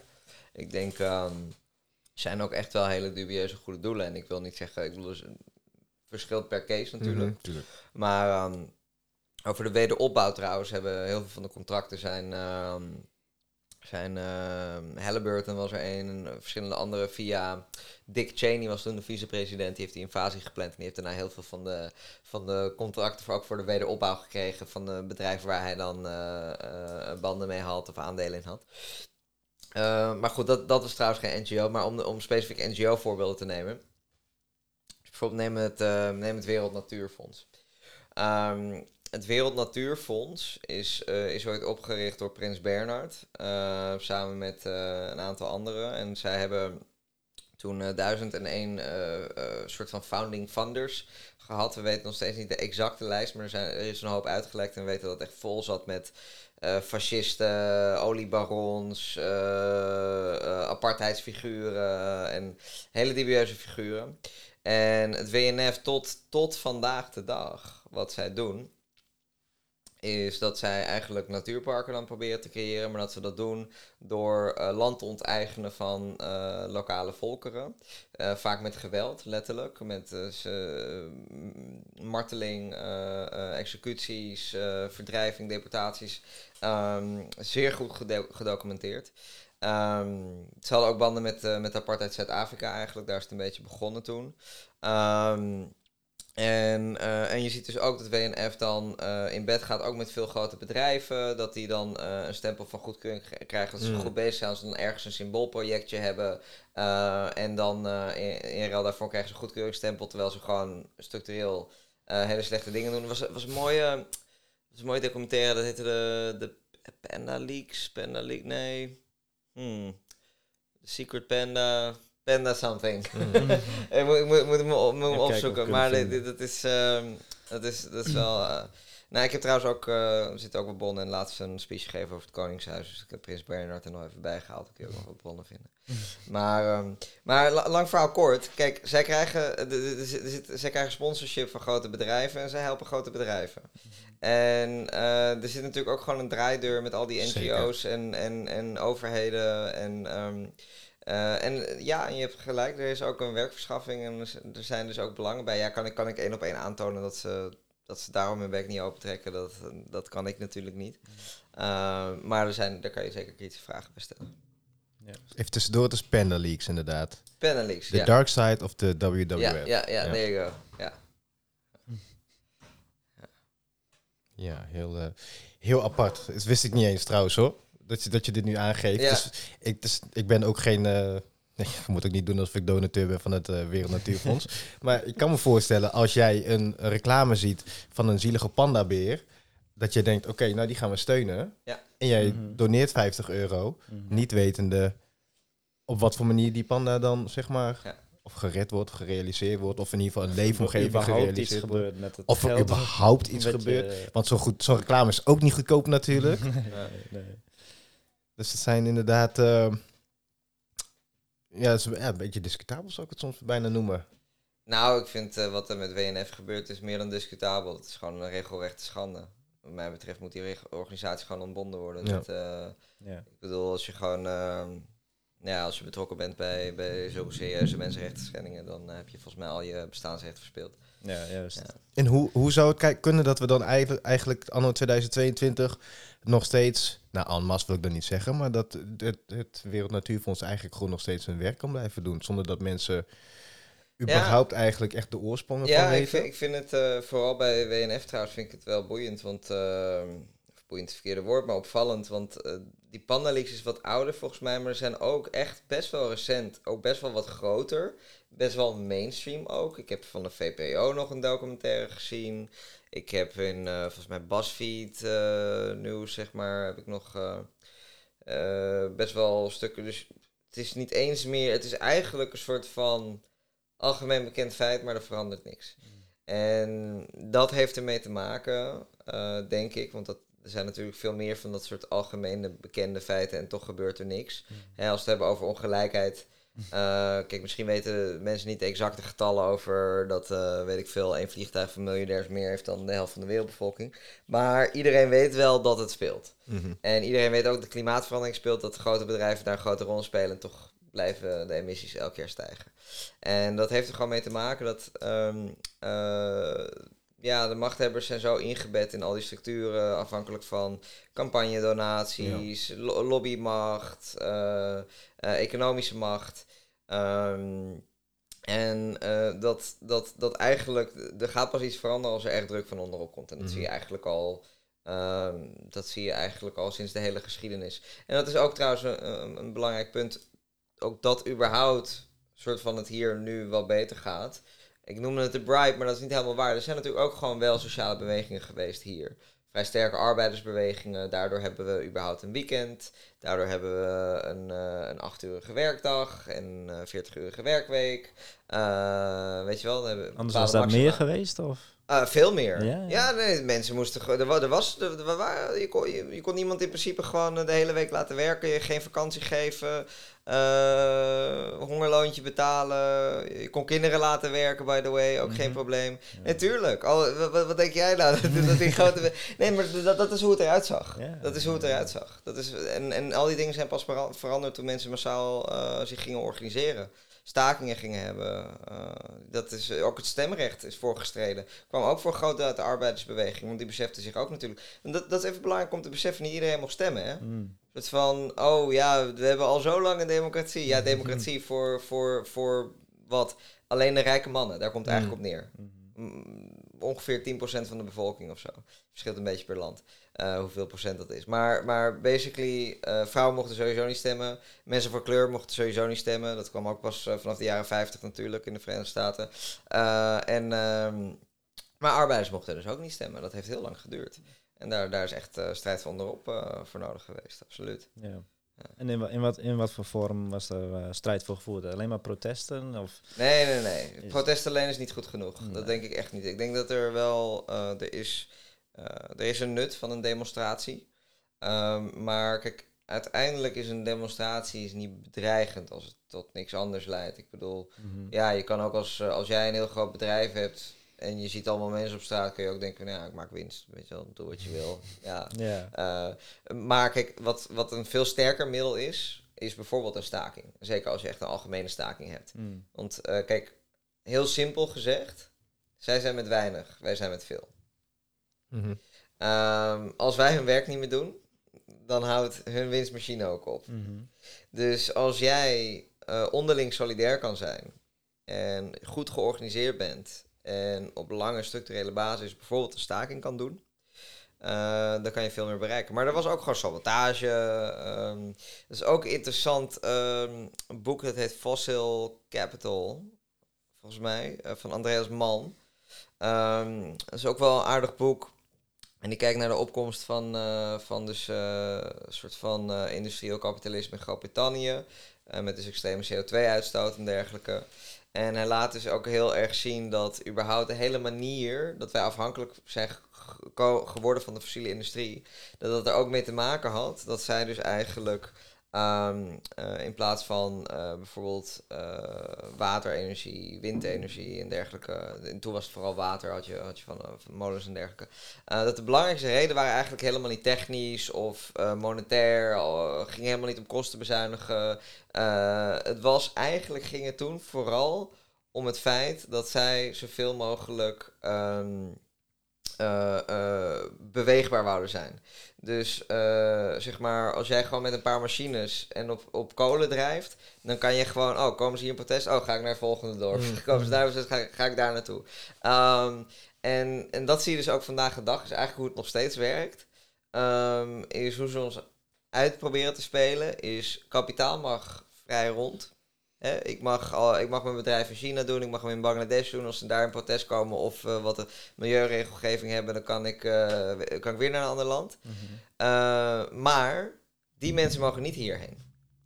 En dan heb je mensen hier, uh, rondom de PVV en zo, die dan klagen van, oh ja, ze nemen onze uitkering en weet je wat. Dat is natuurlijk ook allemaal onzin als je kijkt naar sociale huisvesting. De reden dat we geen sociale huisvesting hebben, is omdat er gewoon keihard op is bezuinigd. Nee, ja. Ehm, ja, ehm, dus dat komt gewoon van de macht. Maar wat dus ook belangrijk is om te beseffen, is je, je verstevigt de positie van grote bedrijven als je zegt, zij mogen vrij rondreizen, maar arbeiders niet. Hm. Want anders kan natuurlijk het omgekeerde gebeuren. Als jij gaat naaien, denk ik, ben je, nou, dan ga ik ergens anders naartoe. Weet je wel? En, en dus, dus gewoon echt, echt op een structureel niveau eh, zorg je eigenlijk dat, eh, dat mensen afhankelijk van jou worden gemaakt. En dat je gewoon hup, hup, hup, hup, rot kan gaan. En dan krijg je die race to the bottom. Hmm. Ja. Hm. Ja, zo werkt het spel. hè? Ja, uiteindelijk is dus eigenlijk wel de macht wel duidelijk verschoven. Als waarin we, tenminste denk ik, heel lang de perceptie hebben, gehad dat, dat landen en overheden wel ja, een eindstem hadden. Is dat eigenlijk nu niet meer zo dus? Ja, ik, ik weet dus alleen niet of dat eh, echt ooit zo echt is geweest. Eh, Wellicht dat ze het alleen het idee hebben gehad, zeg Ja, maar. Het is ja, zo geleken. Ja. Ja. ja. Eh, kijk, kijk, er zijn natuurlijk wel gewoon een paar, paar een aantal dingen gebeurd. Ik denk ehm, eh, vooral voor het Westen natuurlijk is dat gevoel er heel erg. Omdat je had in na de oorlog heb je een tijdje een soort van de honeymoon period gehad. Dat het relatief goed ging, relatief bestaanszekerheid waren, relatief goede banen. Eh, met gewoon vaste contracten, eh, sociaal vangnet. Eh, en dat is zeg maar langzaam allemaal afgebroken vanaf de jaren tachtig. Alleen mijn kritische noot daarop zou zijn, is ja, oké, maar ehm, eh, misschien was dat eerder de uitzondering die de regel bevestigt dan andersom. Want ook als je kijkt naar de omstandigheden waarin dat is gebeurd, is bijvoorbeeld ook dat er een grote angst was een echte sociale revolutie. Ehm, dus niet eentje die een beetje aan het kloten zat aan de marge van oké, je geeft me iets meer geld en dan. Nee, gewoon, ik bedoel, je, wij, kunnen in principe, arbeiders kunnen ook gewoon hun eigen werkvloer bepalen. Zij kunnen ook eh, zichzelf managen. Daar heb je niet een of andere CEO voor nodig en helemaal niet aandeelhouders. Ehm, en zo'n soort revolutie wouden ze voorkomen. Kijk, de, de, de Tweede Wereldoorlog eigenlijk, het hele verzet kwam dus, eh, nou, op internationaal niveau kwam het dus vooral eigenlijk van China en de Sovjet-Unie. En als je kijkt eh, binnenlands, dan, eh, dan waren dat vooral de communisten. Dat is gewoon een feit. Ehm, dat zij zeer, zeer, zeer bovenproportioneel vertegenwoordigd waren binnen, binnen de verzetsbewegingen. En zij hadden daardoor heel veel geloofwaardigheid eigenlijk gekregen. En je kreeg ook binnen de rest van de wereld allerlei sociale revoluties.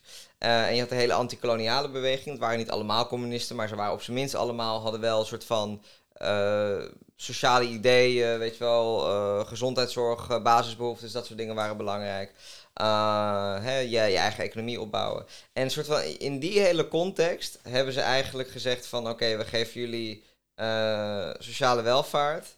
Eh, maar ik zie dat dus ook soort van als een manier om dan een, een grotere revolutie te voorkomen. En je ziet dus Dit is ook het oude. ja, en je ziet dus ook dat toen een soort van de grote revolutionaire golf eigenlijk. En dat zijn denk ik vooral de anti-koloniale bewegingen geweest. Dat was heel groot natuurlijk. Eh, eh, en, en dus dat communistische gevaar. Ehm, dat toen dat is weggeweken, toen de Sovjet-Unie uit elkaar was gevallen, toen, toen eh, de onafhankelijke bewegingen, eh, formeel bestond, bestond een non-alignment movement en dat soort verbonden in het globaal zuiden bestonden formeel, maar die waren eigenlijk helemaal afgezwakt. Ehm, ja, toen dat allemaal is afgebroken, toen het IMF en de Wereldbank regeerden, ja, toen, toen, toen is hier ook alles afgebroken. Hmm. En dat, dat vertelt voor mij best wel veel. Ehm, dus ik, ik denk, ehm, eh, ik denk, dus hoe, hoe ik het zie, van eh, de mate waarin wij democratie hebben en de mate waarin wij dat rechtvaardigheid hebben, de mate waarin wij gezondheidszorg hebben, eh, is afhankelijk van de mate waarin wij dat zelf opeisen. Hmm. De burgers bedoel je. Dus vandaar dat je ook aangeeft, als er iets, protesten alleen is dus niet genoeg. Er moet echt iets gebeuren en dat zou dan sowieso bottom-up moeten zijn. Ja, dat denk ik wel, ja. En, eh, en natuurlijk is het complex, hè, want ehm, soms kan een bottom-up movement toch eh, in de overheid komen. En die hebben dan weer, die moeten dan ook weer delen, dealen met die oude bureaucratie en dergelijke. Dus dan krijg je ja, een beetje tegenstrijdigheden. Eh, maar ik denk, kijk, als een echte bottom-up beweging aan de macht komt, dan kan ik dat ook wel eh, ondersteunen met kritische, kritische steun. Dus zeg maar, ik, ik ben niet, je hebt ook anarchisten die echt helemaal zeggen van ik wil helemaal nul niks na de noppers met de staat te maken hebben. Ik denk dat dat ook een beetje, ik zelf vind het een beetje naïef. Ehm, Want? nou, omdat natuurlijk gewoon de staat, eh, daar kun je gewoon niet omheen. Dat heeft een, een, is een enorme, enorme macht. Ehm, als jij grote bedrijven wil aanpakken en dergelijke, en eh, jij negeert de staat, die er gewoon wel is, ja, dan kan je heel makkelijk gecriminaliseerd worden. Je hebt geen middelen om hun, hun echt eh, eh, ter verantwoording te roepen. Zeg maar, er is denk ik wel een tussen, tussenfase nodig waarin we, waarin we daar niet om- omheen kunnen. Hmm. Ja. Dus die Eh, hebben we zeker nog nodig. ja, dat denk ik wel. Vo- voorlopig, hè. Ik bedoel, ik- de lange, lange termijn misschien niet. Ehm, maar, ehm, maar ik denk dat dat nu, nu wel nodig is. Maar het belangrijkste is gewoon, hoe dan ook, zelfs al zou je eh, een echt goede, weet ik veel, eh, eh, anti-imperialistische linkse partij aan de macht hebben. Echt linkse partij, niet een soort PvdA of zo. Ehm, eh, dat is weer een heel andere discussie. Dat is een andere discussie. Eh, maar ehm, dan kan je dat. zelfs dan heb je nog die bottom-up beweging nodig. En die hebben zij ook nodig. Ja. Want zij gaan ook moeten dealen met allerlei interne discussies, bedrijven, weet ik veel wat. En ook voor hun staan ze veel sterker als ze dan kunnen zeggen van. Ja, hé, hey, weet je, ik moet ook gewoon. er staan hier mensen op straat, die kunnen staking gaan doen, weet ik veel wat. Ehm, en sterker nog, je hebt ze ook nodig voor het gevaar dat er misschien een kop komt. Want dat, die is er natuurlijk ook reëel. Als je kijkt naar bijvoorbeeld Venezuela. eh, toen Chavez aan de macht kwam daar. eh, en hij wou hè, basale dingen zoals eh, weet je, sociale huisvesting bouwen, dat soort dingen. En daar de oliewinst voor gebruiken. Ehm, toen hebben ze dus ook geprobeerd de coup te plegen in 2002. Was, was heel kort succesvol ook. Die hebben ze omvergeworpen. En, eh, en wat er eigenlijk gebeurde is dat mensen massaal de straat op kwamen. eh, het hele parlement hadden omsingeld. En dat ze toen onder druk hebben bepaalde soldaten die dus eh, Chavez eigenlijk hadden gekidnapt. Die hebben basically hun orders niet meer gevolgd. En hebben besloten om toch Chavez terug te brengen. Ehm, dus ook die bottom-up pressure, die is cruciaal. Mhm. Zonder, zonder een bodembeweging zijn we niks. Dus dat, dat, ehm, dat, is, dat, dat is de basis. En dat kan je op Mhm. heel veel manieren doen. Hè. Je kan eh, eh, demonstraties organiseren, maar je kan ook stakingen organiseren. Je kan eh, infrastructuur opbouwen, hè, lange termijn. Hè. We willen bijvoorbeeld eh, je eigen landbouw opzetten. Ik denk de meest effectieve organisaties die doen een beetje een combinatie van verschillende dingen. Ik zag bijvoorbeeld de Black Panther Party, die noemde ik eerst. Die, nou ja, die hadden hele ook radicale statements, radicale media en dat soort dingen, kritische dingen. Maar ja, die deden ook gewoon een breakfast program voor, voor kinderen die, die honger hadden, weet je wel. Want je moet ook gewoon je geloofwaardigheid opbouwen bij de community. Je moet ook kunnen laten zien dat, dat, jij, kan, dat jij kan leveren. Ehm, dus het is, het, is, het, is een, het is een combinatie van dingen die je kan doen. En eh podcast maken hoort er ook bij, weet je wel. We hebben ook eh, alternatieve media nodig. Ja, ja, inderdaad. Maar ja, hoe, hoe, hoe kom je eigenlijk op dat punt dat er genoeg onderwaartse druk is, eigenlijk als het ware, naar boven toe, om ja, bepaalde veranderingen te Te eisen? Te be, ja. Ja, de million Is, dat, is dat alleen maar eh, Heb- bewust, be- bewust maken door, eh nou ja, door podcasts te maken of door te spreken, zoals jij ook vaak doet? Ik, Heb- ik weet het niet. Heb je misschien eh, concrete voorbeelden of zo? Dat, van een bottom-up revolutie. ehm, waar Ja. we nu misschien nog steeds... Nou, de vruchten van plukken is een groot woord, maar ja. de effecten van kunnen zien. Ja, ehm, er zijn er veel. Maar ehm, ja, ik denk, ik denk, kijk, een deel, een deel is niet helemaal te organiseren. Eh, als je kijkt naar de grootste revolutie, bijvoorbeeld de Russische revolutie, ehm, dat is niet allemaal maar even georganiseerd. Een groot deel is daarvan spontaan. Die ontstaat zeg maar onder grote druk. Hè, dat was tijdens de Eerste Wereldoorlog, er was honger, eh, mensen stierven aan het front, eh, zware ontevredenheid, gaat de vlam in de pan. Ja. En ik denk dat de vraag is, op het moment dat zoiets gebeurt, eh, dan heb je bottom-up organisatie nodig om dat in een constructieve richting te duwen. Mm. Eh, en dan kan je dergelijk momentum kun je op een positieve manier benutten. Ehm, en daar, daar gaat het denk ik om. En dat is niet één ding. Kijk, dat is niet. ehm, het gaat niet alleen over media maken, eh, hoewel dat dus ook een onderdeel is. Maar het gaat ook niet alleen over stakingen organiseren, hoewel dat ook een onderdeel is. W- ik denk het, het belangrijkste is ehm, dat jij eh, structureel relaties opbouwt eh, binnen een goede kritische visie. Ik denk gedeelde waarden zijn heel belangrijk. Zijn heel belangrijk. We moeten weten dat we dezelfde horizon hebben.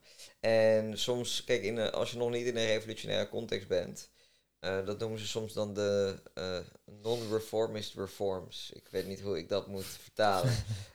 Maar dat je voor hervormingen gaat, maar het doel is niet de hervorming. Eh, want we willen uiteindelijk een fundamentele verandering. Maar je beseft ook van als we nog niet in een revolutionaire context zijn, dan ga je misschien. ehm, ja, eerst eh, bijvoorbeeld, in, je hebt nu een campagne voor 14, eh minimumloon 14 euro per uur. Mhm. Ehm, helemaal goede campagne natuurlijk. Dat, is, dat, zijn, dat zijn een soort van eerste stappen waarmee jij eh, geloofwaardigheid en draagkracht kan opbouwen in een bredere beweging. Maar hoe je het, het niet hervormistische aspect daarvan, is dat je dan zo'n campagne eigenlijk moet inbedden in een bredere kritiek en een bredere beweging. Dus je moet ook zeggen, waarom hebben we geen 14 eu- euro minimumloon? Nou, dat is door de macht van de grote bedrijven eh, en dat soort structurele problemen. Mhm. En dan plant je al het zaadje dat als jij die 14 euro minimumloon krijgt, dan is meteen de volgende stap is ook al helder van oké, maar die bedrijven zijn er nog, weet je wel, die andere, de, de, de hele structuur staat er nog.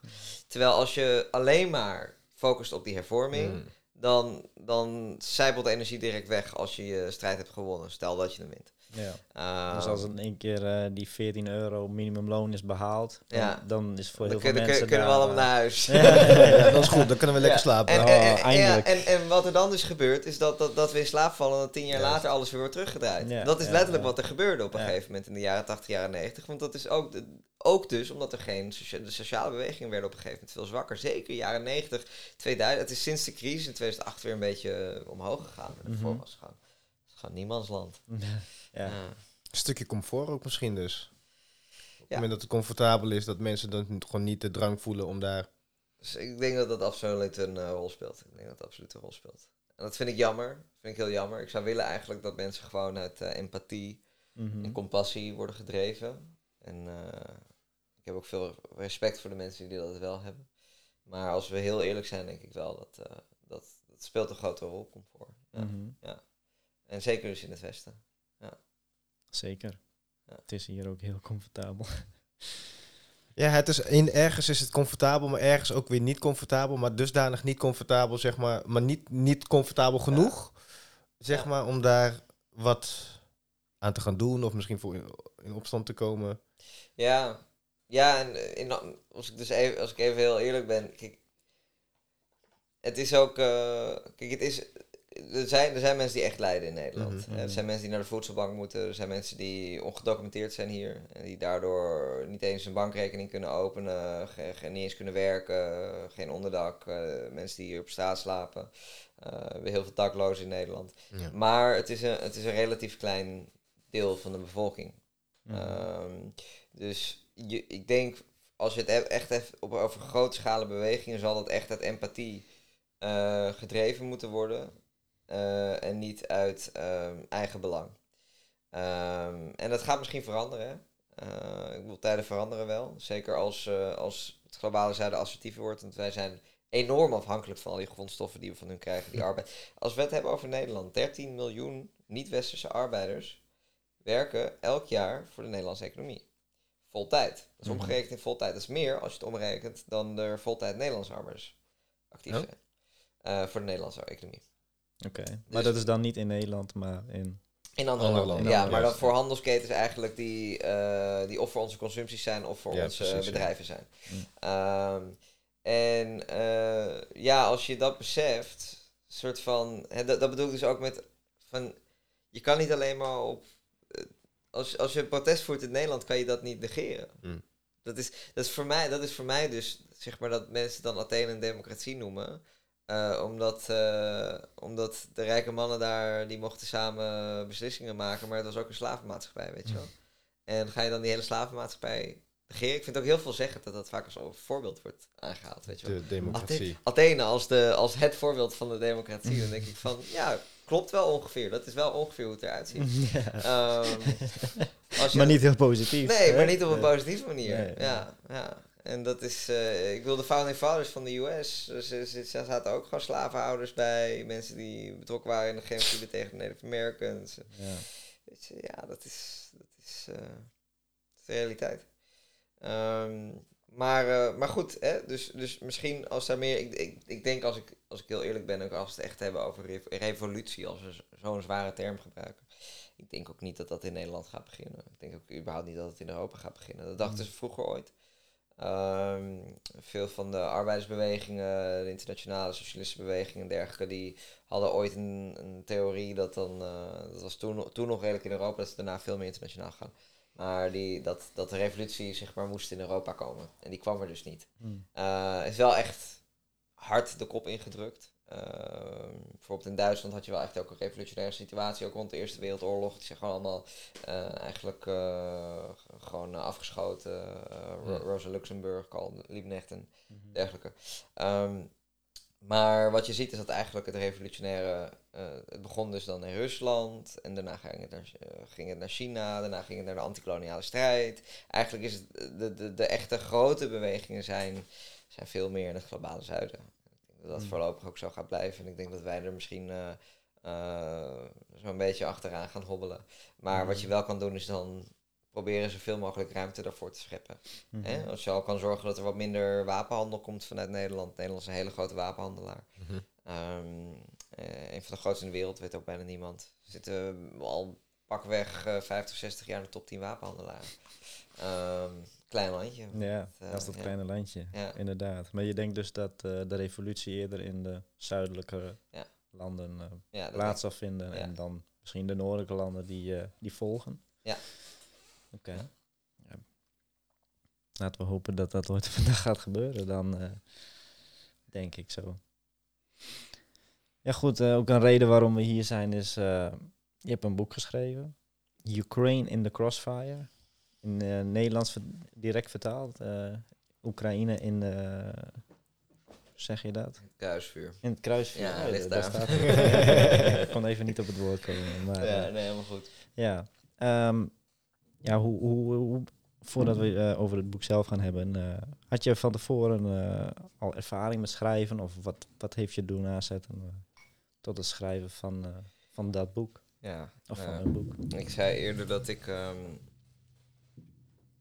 dat ik eh, dus dat balletje ging rollen toen ik 15 was, een beetje. Mhm. Ehm, ik heb toen eigenlijk, ik zou zeggen, drie jaar, vier jaar vooral veel zelfstudie gedaan, gelezen en zo. Ik weet nog dat ik heel erg het gevoel had van, oh, maar als ik, als ik de rest van de maatschappij call bullshit, dan moet ik wel zorgen dat ik het zelf dan wel op een rijtje heb en ook niet met bullshit kom nee, aanzetten, nee, weet je wel. Precies, ja. Dan moet ik wel mijn huiswerk doen. Dus ehm, eh, die verantwoordelijkheid voelde ik toen. En ik weet nog, ehm, eh, ja, zoals ik al zei, internationaal rechtvaardigheid was, was, was voor mij heel belangrijk. Ik weet nog dat ik toen ook, ehm, schrijver die toen veel invloed op mij had gehad, was Noam Chomsky. Ehm, hij, eh, een boek van hem voor, voor iemand die soort van net wil beginnen, denk ik, is Understanding Power. Heel toegankelijk, op basis van interviews. Uh, dus het leest lekker weg. Uh, ook veel van de onderwerpen komen langs. Uh, maar ook heel goed gedocumenteerd. De voetnoten waren zo lang, de referenties, uh, dat, ze, dat ze dat niet in hetzelfde boek konden doen, want dat was langer dan het boek en het werd te duur om te printen. dus ze hebben de voetnoten hebben ze zeg maar online geplaatst. Mm. en nou ja, dus het, dat is 500, uh, 500 pagina's aan voetnoten. Ja, ja, maar maar dat, voor, voor, mij was het heel prettig dus, omdat ik... Um, uh, ik ben natuurlijk net begonnen, ik ging alles dubbel checken, dubbel uitzoeken, weet je wel. En dat, hij hielp me toen, toen in die fase heel erg om, om ook het zelfvertrouwen te vinden om, uh, om, uh, om over dat soort onderwerpen te schrijven en zo. En nou goed, en toen rond die periode, hè, ik denk, um, ik was toen inmiddels kort daarna wel begonnen ook met wat organiseren hier en daar. We hadden een lezing over de invasie van Irak. En, um, en uh, ik weet nog dat toen eigenlijk, uh, we zaten in de, ja, grappig, we zaten gewoon in de snackbar. En ik zat te klagen, want ik las dus veel. Uh, niet alleen over Oekraïne, maar onder andere over Oekraïne. Ik zat erover te klagen over hoe dat... Toen ben ik de correspondent, ik was lid van de correspondent. Uh, van toen bestonden ze nog redelijk kort. En nou, ze deden wel wat toffe dingen, dus ik was lid geworden. Maar toen kwam het conflict en toen was, vond ik extreem eenzijdig. Berichtgeving. En, uh, en dan zat ik ook te klagen. Dus ik van, ja, maar schrijf je zelf niet wat. En uh, ja, dat is, dat is toen helemaal uit de hand gelopen. Het heeft een boek... Uh, ja, ja. Nederlands, Engels. ja, ja, nou goed, dat, dat is natuurlijk wel een proces geweest hoor. Want dat, dat, dat, boek kwam drie jaar later pas uit. Uh, maar dat, dat was een soort van. Uh, dat was mijn eerste artikel dat ik dus ooit heb geschreven, ging over Oekraïne. Eh, en dat werd dus ook heel lang en heel groot, omdat ik dan perfectionistisch was. Dat was de eerste keer. En dat leidde, weer tot andere dingen. En nou ja, op een gegeven moment eh, een boek. Ja, ja, inderdaad. En hoe nemen ze mee in dat proces van, ja, als je zo'n boek begint met schrijven, is het dan wat je schrijft gelijk, wat je, nou ja, hoe de uitwerking gelijk is, zeg maar? Of hoe, ja, heb je dingen opnieuw moeten doen, omdat je eh, misschien eh, andere bevindingen eh, tegengekomen bent? Of, Mm, ik zou niet zeggen dat ik echt dingen helemaal opnieuw heb moeten doen. Zijn natuurlijk wel soms kleine, kleine correcties. Ehm, maar ja, wat ik, wat ik kan zeggen ja, over het proces. Kijk, sowieso misschien ook goed. Ik vind het ook sowieso belangrijk dat mensen ook ehm, voor zichzelf eigenlijk leren. Nou, gewoon een beetje media literacy eigenlijk. Van hoe, Hmm. hoe kun je kritisch nadenken, hoe kun je kritisch met bronnen omgaan en zo. Dus in principe bijvoorbeeld een, een vuistregel die ik hanteerde was eh, ehm, sowieso als ik eh, kritiek op Rusland heb, dan wil ik bij voorkeur Russische bronnen hebben. Als ik kritiek op Oekraïne heb, wil ik bij voorkeur Oekraïnse of Westerse bronnen hebben. Hetzelfde gaat voor het Westen. En waarom? Heel simpel. Omdat als het Westen kritiek levert op zichzelf, hebben ze er geen belang bij Nee, om, dat te zeggen. Mhm. En andersom, dan is de kans heel groot dat het gewoon propaganda is. Mhm. Ehm, nou, kan, kunnen er uitzonderingen zijn als we heel duidelijk ook opschrijven hè, de- hun, hun onderzoeksproces, waar ze hun bronnen vandaan halen, enzovoort, enzovoort. Dan kan ik daar nog wel in meegaan. Maar da, da, da- dan, ik, ik, ben, ik ben dan extra kritisch, zeg maar. Ehm, dus dat is zeg maar een, gewoon, dat is gewoon een hele simpele methode eigenlijk, waar je al best wel een heel eind mee komt. Eh, en het zal je verbazen hoeveel je kan vinden, maar je moet, het, het is, iedereen kan het doen, zeg ik soms. Mhm. Eh, het, het is gewoon veel werk, want je moet veel lezen. Want als jij westerse bronnen tegen westerse bronnen wil gebruiken, als het ware, dat zijn dan de kritische artikelen zijn vaak meer de uitzondering dan de regel. Ze zitten vaak meer op de vijfde paragraaf dan Ja, de eerste of de dertiende paragraaf. Dus je moet gewoon veel lezen. Mhm. Uh, daar komt het eigenlijk op neer. En dan, dan kun je een beetje de, de dots connecten en zo. En ja, natuurlijk kun je ook, zijn er anderen zoals ik die dat ook doen. En hun werk kun je ook weer lezen. En dat helpt elkaar natuurlijk, dat scheelt weer tijd. Ehm, maar ehm, maar dat, is, dat is een beetje een soort van eh, de, de vuistregel. En ik had toevallig voor dit, toen het echt een boek werd, eh, daar was ik wel heel blij mee, had ik een eh Oekraïense socioloog die, eh, die editor ook wou zijn. Vladimir Ishenko. Ehm goede gast. En die ehm, vond ik ook wel heel tof, want ik was toen nog heel jong, 20 of zo, 20, 21. En ik was eigenlijk nog een nobody, weet je wel. En ik Mhm. had, ik had gewoon... Ik had volgens mij in het Engels, want ik had ook nog in het Nederlands geschreven, maar ik had in het Engels maar één grote blogpost of zo. Maar hij vond het tof. Mhm. Terwijl hij had al in The Guardian gepubliceerd en weet ik veel wat, Mm. weet je wel. Nou, ja. Maar eh, nee, het was van let's go. en, Ja. eh, en goed, dus dat was wel heel fijn, want dan had ik een soort van tweede paar ogen die, die voor Ja. het onderwerp Ja, zit. en precies, dus ja. ook een beetje een autoriteit is, zeg maar. Mhm. Uh, maar in alle eerlijkheid viel het reuze mee hoeveel er moest worden aangepast. Ik bedoel, het waren, Mhm. het, het waren meer details dan dat ik echt eh, een soort van alge- het algemene narratief moest eh, bijstellen, zeg ja, maar. ja, precies. Ja. Maar wel fijn om, om iemand die Ja, daadwerkelijk... nee, en het eh, is ook, die details zijn wel belangrijk. Want Mhm. kijk, ehm, als jij een kritisch tegendraads perspectief hebt, dan probeer je sowieso, dan moet het gewoon waterdicht zijn. mm, De, de bar waar jij op wordt gehouden is veel hoger. Hoger, Kijk, als ik gewoon een soort van standaard liedje zing over dat het allemaal de schuld van Poetin is. En natuurlijk is hij deels ook schuldig. mhm. Maar weet je wel, het is gewoon 100% zijn schuld. Dan kan je daar gewoon eh, makkelijk een politiek stuk over schrijven. Je, je hoeft helemaal geen bewijs te leveren. Niemand kijkt er naar om, want je zegt Mhm. toch hetzelfde als wat iedereen zegt. Eh, maar als jij er vol tegenin gaat, dan moet je echt... Ja, dan ligt de, ligt de bar gewoon wat higher. Juist. Dus daar, eh, daar ga ik dan ook bewust mee om. ja. Daarom zie je, zul je ook zien dat bijna alle stukken die ik schrijf zijn best wel stevig gedocumenteerd. Goed onderbouwd ook Ja. bij voetnoten, bronnen. Ja, ja. Want, want het is inmiddels zes jaar geleden dat het boek is uitgebracht. Ja, volgens mij de Nederlandse kwam uit in 2016. Zeg ik dat goed? Ja, volgens mij wel, begin 2016. En de Engelstalige begin 2017. Ehm, en dat is een, grappig trouwens, want oorspronkelijk is in het Engels geschreven. Eh, maar vanwege dat Oekraïne-referendum toen is die versneld eigenlijk uitgekomen. En die is naar het Nederlands vertaald, wat wel grappig is. Oké. Ja, ja. Ja, want je wou hier, eh, misschien hier in Nederland wat eh, ja, laten weten of zo. de- ja, je wou, Ja, natuurlijk. Ja, ja, ik woon hier, dus dat, dit was mijn, mijn eerste... Nou, wat ik wel heel jammer vind, is dat het eigenlijk een beetje gene- gene- genegeerd is in Nederland, het Ja. boek. Ondanks het feit dat ik ook toen al, zelfs met de Nederlandse versie, omdat ik de origineel had ik in het Engels geschreven, dus ik had hem wel opgestuurd naar, nou, best wel wat autoriteit in het veld. Ook internationale academici en zo. Richard Sakwa, Stephen Cohen. Ehm, en die hebben ook op de blurb, eh, weet je wel, de, de, de achterkant van je boek dan positieve dingen geschreven. Mhm. In die periode was ik volgens mij het enige echt goed gedocumenteerde boek. ehm, eh, die echt specifiek over het recente conflict ging. Eh, maar eh, ja, er was blijkbaar geen eh, hang naar. Mhm. Eh, Ja. ik, heb, eh, ik heb één stuk in Follow the Money gepubliceerd voor publicatie, maar dat was ook omdat ik deels daar al een werkrelatie mee had. Maar dat was het een beetje. Mhm. Dus voor de rest is het voor je gevoel eigenlijk blijven liggen en heeft het minder aandacht gekregen dan dat het zou ver- verdienen, zeg maar. Ja, ja, dat komt... Los omdat je zelf de schrijver bent Ja, natuurlijk, los daarvan. Het komt Dus- natuurlijk dus- verkeerd over. Nee, goed, ja, ja, weet je, kijk, het gaat ook niet om mij. Ehm, Precies. En, en het verbaasde me overigens ook niet. Hoewel, het, het verbaasde misschien de mate waarin het gebeurde. Ehm, ik had nog wel iets meer aan, zeker vanwege het Oekraïne-referendum, ging het echt elke dag in het nieuws Actueel. over Oekraïne. Mhm. Super actueel, zou je zeggen van ja. Ja. Ehm, dus de mate verbaasde me wel een beetje, maar dat het gebeurde verbaasde me niet. Want ik, ik weet goed hoe de media werkt. Ik noemde Mhm. eerder Noam Chomsky. Ja. Ehm, die heeft klassieker geschreven, dat heet eh, Manufacturing Consent. eh, samen met Edward Herman.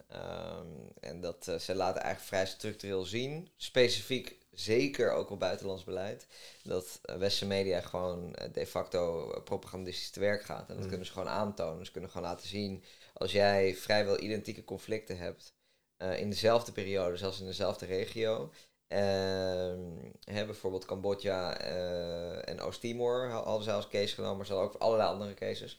Ehm, en worden de moorden gepleegd door onze bondgenoten en met onze wapens, dan is er vrijwel geen coverage. En andersom, dan ineens gaat het in alle kranten, en weet je Mm. wel. En, dan, eh, en ook, weet je wel, wordt het geminimaliseerd of juist niet. Ga je het hebben over de burgerslachtoffers of, of ga je het meer hebben over diplomatie, al dat soort dingen.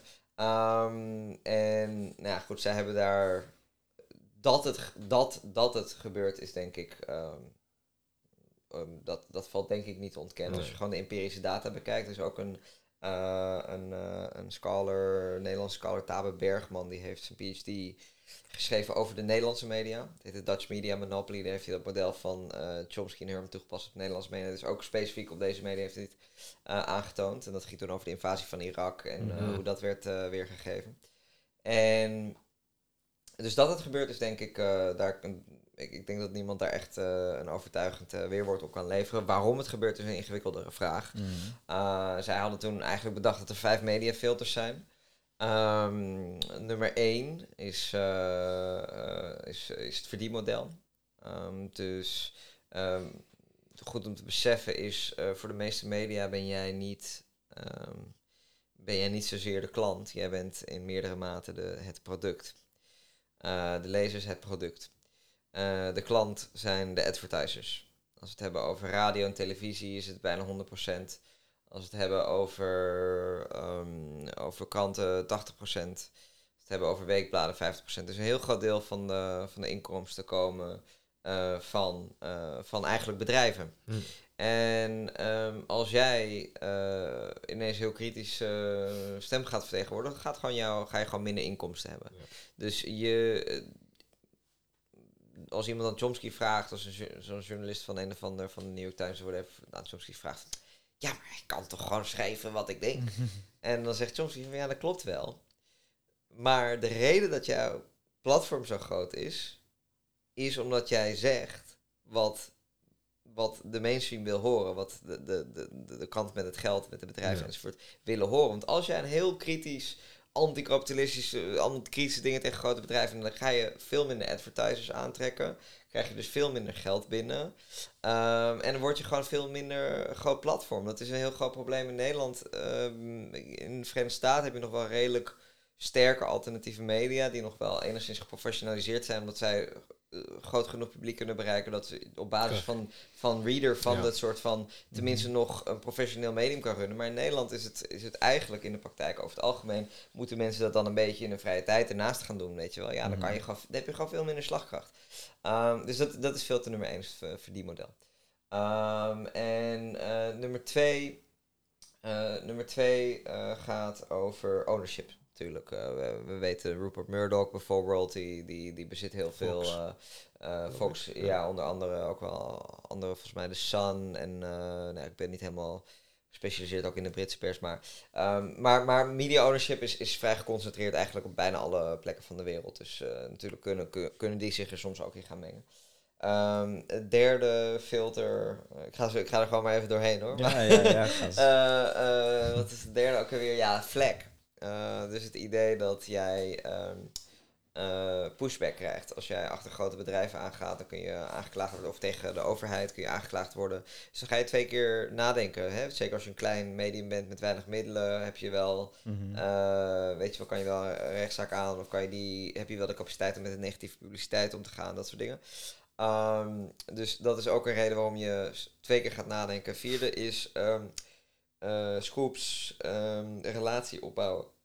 Dus wat, wat ze wat ook eh, overheden bijvoorbeeld heel slim doen, is die cultiveren relaties met journalisten. Ehm, want omdat zij in de know zijn, kunnen ze jou natuurlijk de scoop geven, de exclusieve eerste scoop. Maar om En die te krijgen, en die wil je, Mhm. eh, want dan krijg je de headliner. Maar om die te krijgen moet je natuurlijk ook wel niet te kritisch zijn. Want anders gaan ze natuurlijk niet jou de scoop geven. Dus dat is ook een soort van... Er zit gewoon een inherente corrumperende eh, dynamiek achter. Mhm.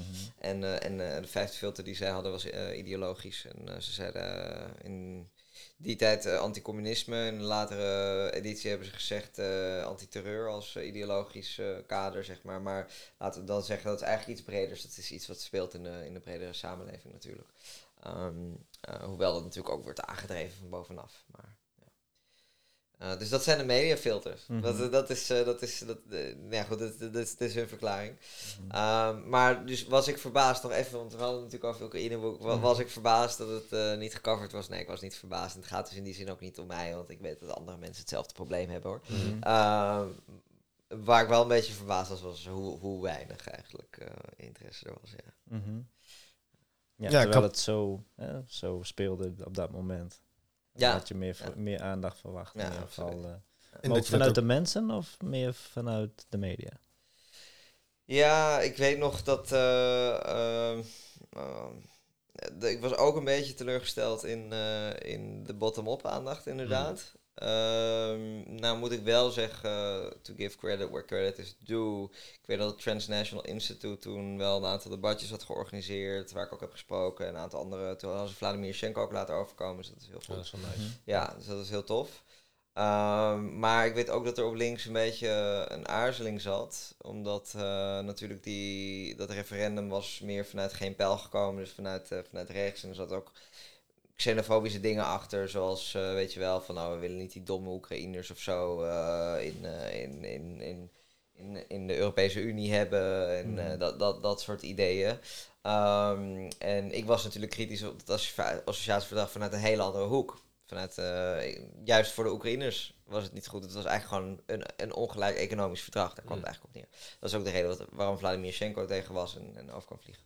Maar wat ik eh, zonde vond, was dat toen de conclusie van veel linkse mensen was niet van... oh, we gaan het, het echte goede verhaal vertellen. Ehm, en als ik het over linkse mensen heb, heb ik het niet over de PvdA. Dan heb ik het meer me- over mensen zoals ik. Ehm, eh, dus meer de activistische mensen. Maar die, die hadden gewoon zoiets van...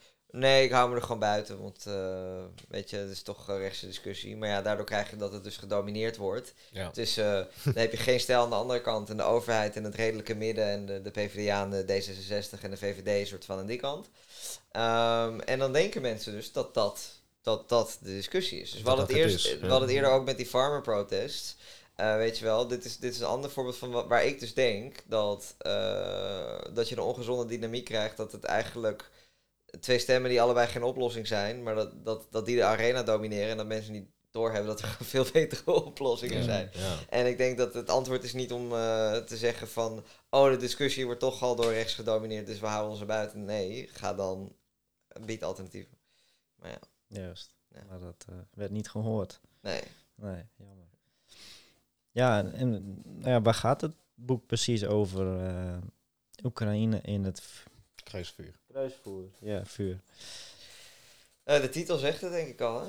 Eh, ja, de, de cover, die, eh, die kunnen de luisteraars natuurlijk niet zien, maar eh, dan zie je eigenlijk eh, een soort van eh, dat, dat eh, Oekraïne als het ware in het kruisvuur zit tussen de Verenigde Staten en, eh, en Rusland.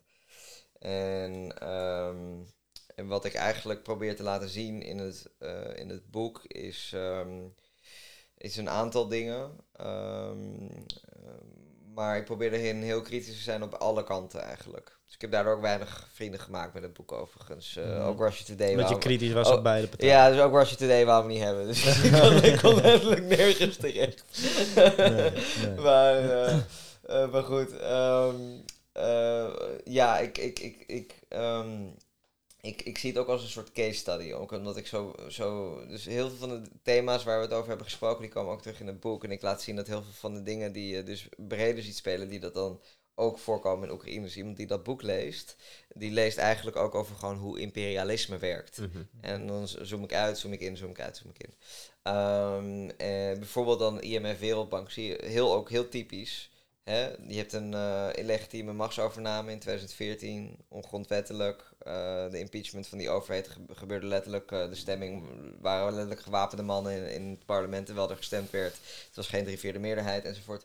Eh, maar een van de eerste dingen die de interimregering doet voordat er überhaupt verkiezingen zijn geweest, is een deal sluiten met het IMF. Bezuinigingen doorvoeren enzovoort. Dus dat soort patronen, je, Mhm. is ook Patronen heel goed. inderdaad. Het zijn, maar het zijn patronen. Patronen, ja. ja. Absoluut. En je ziet ze terugkomen, terugkomen, Ja. terugkomen, terugkomen. Tot de dag van vandaag. In conflict naar conflict naar conflict naar conflict.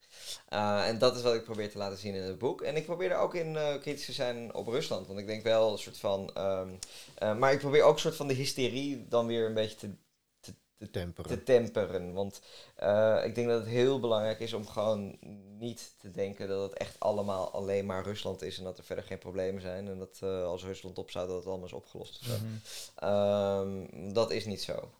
Uh, en ik denk ook, uh, wat ik ook laat zien, is dat ook überhaupt de kritiek op Rusland vaak um, uh, enigszins misplaatst is of hypocriet is. Um, ik kan een heel concreet voorbeeld geven. Dat weten veel mensen niet, maar het Westen was best wel fan van Vladimir Poetin toen hij net aan de macht was gekomen.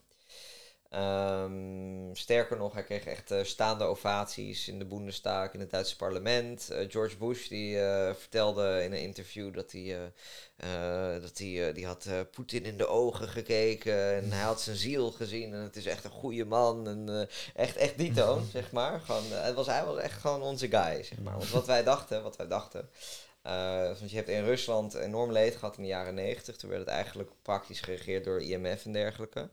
Dus gigantische bezuinigingen, gigantische verliezen in, in, in levensverwachting. Um, en uh, nou al, al, alle, alle olie en dergelijke en, en staatsbedrijven die geplunderd werden, geprivatiseerd werden. En, um, en dat gebeurde onder onze guy Yeltsin. Die vonden we helemaal fantastisch. Die werd vergeleken met Abraham Lincoln en weet ik veel. En, um, en daarna kwam Poetin. En zij dachten eerst dat hij ook gewoon een soort Yeltsin zou worden. En eigenlijk en letterlijk terwijl, terwijl hij al die positieve woorden kreeg, was hij Tsjetsjenië aan het plat bombarderen. Uh, en dat was een vrij brute oorlog. Maar daar hadden we dus blijkbaar helemaal geen, uh, geen problemen mee. Uh, en eigenlijk begon de kritiek pas op Poetin de eerste keerpunt. En er zijn er meerdere geweest, maar de, voor zover ik weet, de eerste belangrijke keerpunt was toen hij Khodorkovsky, de rijkste man van Rusland, uh, had hij zijn oliebedrijf, een gigantisch oliebedrijf, Yukos, had hij genationaliseerd. En, uh, en hij had uh, Khodorkovsky zelf in de cel gegooid voor pakweg tien jaar, als ik me goed herinner. En nou goed, was het selectieve vervolging, had hij ook andere mensen kunnen vervolgen, ja natuurlijk. Maar opvallend is dat niemand echt zoiets had van, oh, Khodorkovsky is onschuldig of zo. Want iedereen wist dat van de manier waarop, waarop al die mensen rijk zijn geworden in de jaren negentig was heel dubieus. Mm -hmm. um, heel opvallend dat dat het eerste keerpunt is. Toen, toen gingen ineens allerlei stemmen op van... Uh, oh, moet hij niet wel met mensenrechten en zo doen voor die miljardair... maar blijkbaar was Tsjetsjenië was minder belangrijk. Um, nou ja, daarna kreeg je dat hij tegen de invasie van Irak was. Uh, hoewel niet genoeg, vind ik. Had, nou ja, goed, maar hij, hij heeft zich kritisch uitgesproken. Um, en en ja, later kreeg Syrië en daarna Oekraïne natuurlijk. Dat zijn toen de grotere explosies geworden. Maar...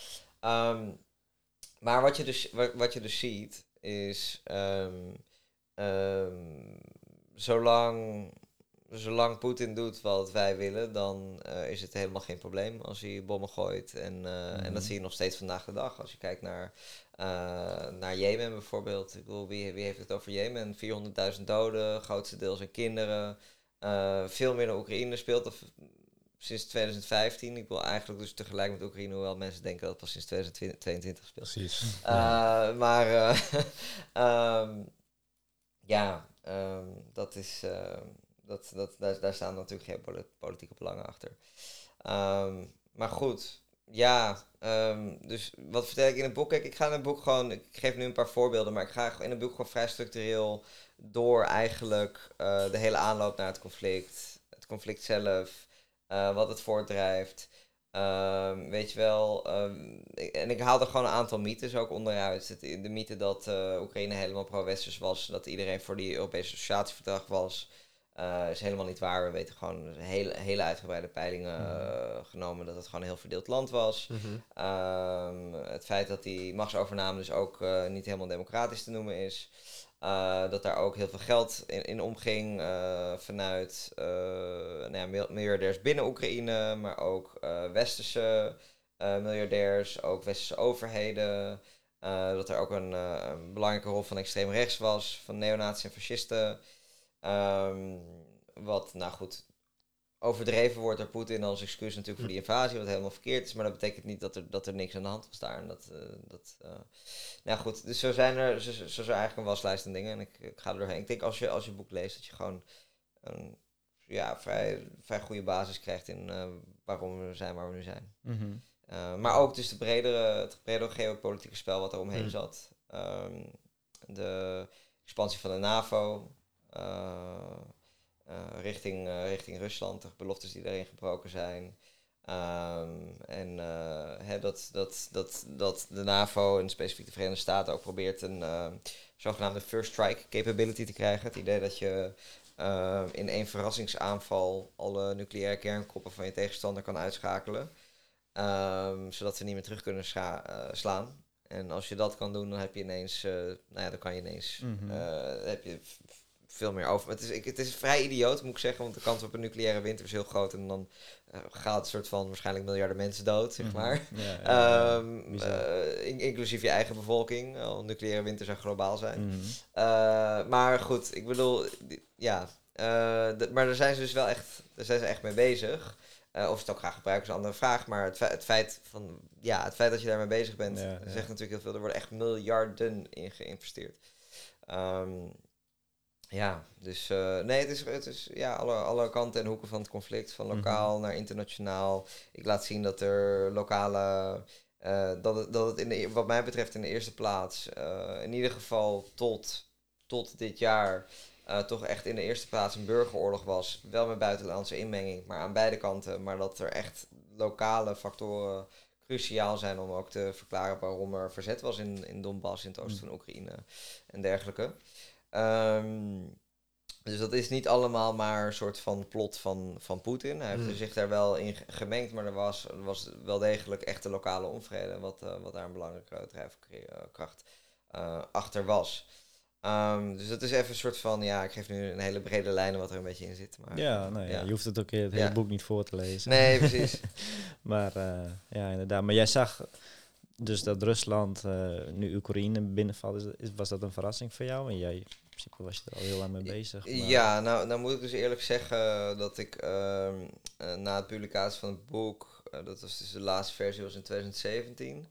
Uh, ik heb daarna best wel een tijdje over wat gezondheidsproblemen gehad en ben daarna met wat andere dingen bezig geweest. Dus ik volgde het in die tijd niet op de voet. Volgens mij toen het conflict net uitbrak, zat ik in Chili. Was ik eigenlijk aan het bijkomen nog van de operatie. Was eigenlijk helemaal niet de bedoeling dat ik soort van dat ik uh, intensief nieuws aan het volgen was en aan het werken mm -hmm. was. Dus Um, ja, toen... toen had je andere prioriteiten. Ja, maar... voelde ik me toch verplicht om erin te gaan mengen uiteindelijk. Maar, um, dus, nou goed, ik, ik was er eigenlijk niet zo heel erg mee bezig. Ik kan wel zeggen dat de mensen die ik volgde, uh, bijvoorbeeld Vladimir Schenko en Ivan Kachanovsky, um, ik denk, uh, bijvoorbeeld Ivan Kachanovsky heeft letterlijk een stuk heel kort daarvoor uh, geschreven waarin hij letterlijk zegt dat, dat zo'n dat, dat, dat dat een potentie was. Maar ik mhm. denk dat het wel.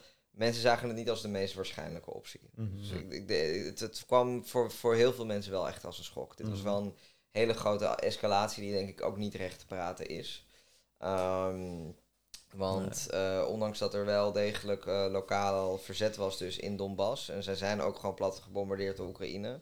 Eh, heel lang. En dat, daar wordt helemaal niet over gesproken. Mhm. En dat is verschrikkelijk. Dus Oekraïne heeft de eigen bevolking Absoluut. Ja. ja, absoluut. gebombardeerd. Ja, absoluut. Al acht jaar lang eigenlijk. Ja. Uh, maar ehm, wat Rusland nu heeft gedaan is eigenlijk, die heeft de oor- het oorlogsgebied heel erg uitgebreid. Ook naar regio's die, die dat niet hebben. Die niet die eh, sentimenten hebben voor of meer autonomie ja. of eh, onafhankelijkheid. Of Mhm. aansluiting bij Rusland, dat is vaak een mengelmoes. Ehm en eh, dus ik, ja, ik, ik, ik vind het zelf niet recht te praten. Eh, dat gezegd hebbende, ehm, de vraag is hoe ga je nu verder? Mhm. Eh, belangrijkste voor Oekraïne natuurlijk is gewoon dat die oorlog zo snel mogelijk voorbij is. En op, op, op, op, een, op een manier dat zij eh, gewoon nog een onafhankelijke staat kunnen hebben en, eh, en, en verder kunnen met hun leven. Mhm.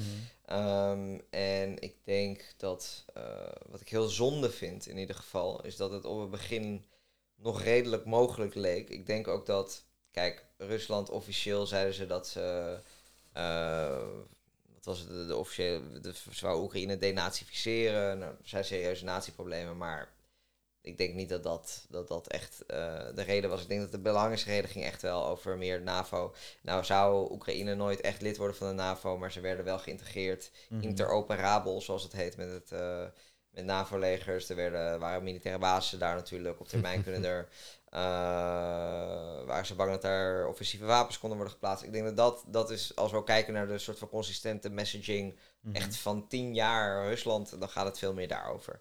En ik denk dat het nazisme-verhaal eh, is wat overdreven om er een soort, ook een soort van mensenrechten sausje overheen te gooien. Ehm, maar eh, je ziet dus wel dat er een redelijke peace deal voor, volgens mij wel mogelijk was. Eh, in april weten we van Ukrainska Pravda, een, een, een mainstream Oekraïense krant, goede banden heeft met de overheid. Eh, die rapporteerde eigenlijk dat er eh, toen al een vredesdeal op tafel lag.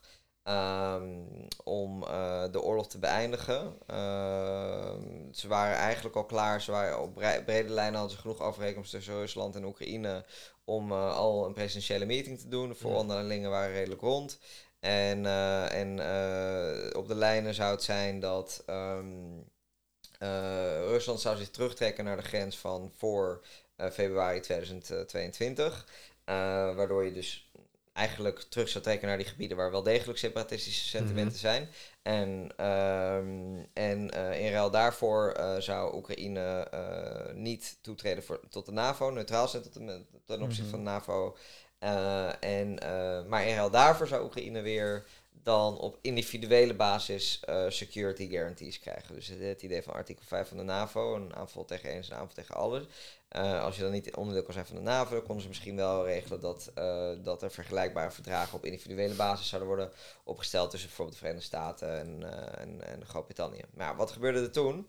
En dat, dat wou Rusland dus accepteren. En toen destijds leken ze ook nog te willen accepteren dat Oekraïne wel lid zou kunnen worden van de EU. Mhm. Nou ja, dan hebben zij nog, heeft Zelensky kan nog zeggen van, oké, we hebben wel wat binnengehaald, weet je. Het leek, Mhm. nou ja, en eh, toen, kreeg, eh, toen kreeg Zelensky een bezoekje van Boris Johnson, toen de premier Hm. van, eh, van Groot-Brittannië. En die zei eigenlijk in niet te verstaande woorden, dit is dus wat Ukrainska Pravda zegt. En hetzelfde verhaal is later gecorro- gecorroboreerd, trouwens ook door Fiona Hill, voormalige hooggeplaatste Amerikaanse ambtenaar van de Verenigde Staten.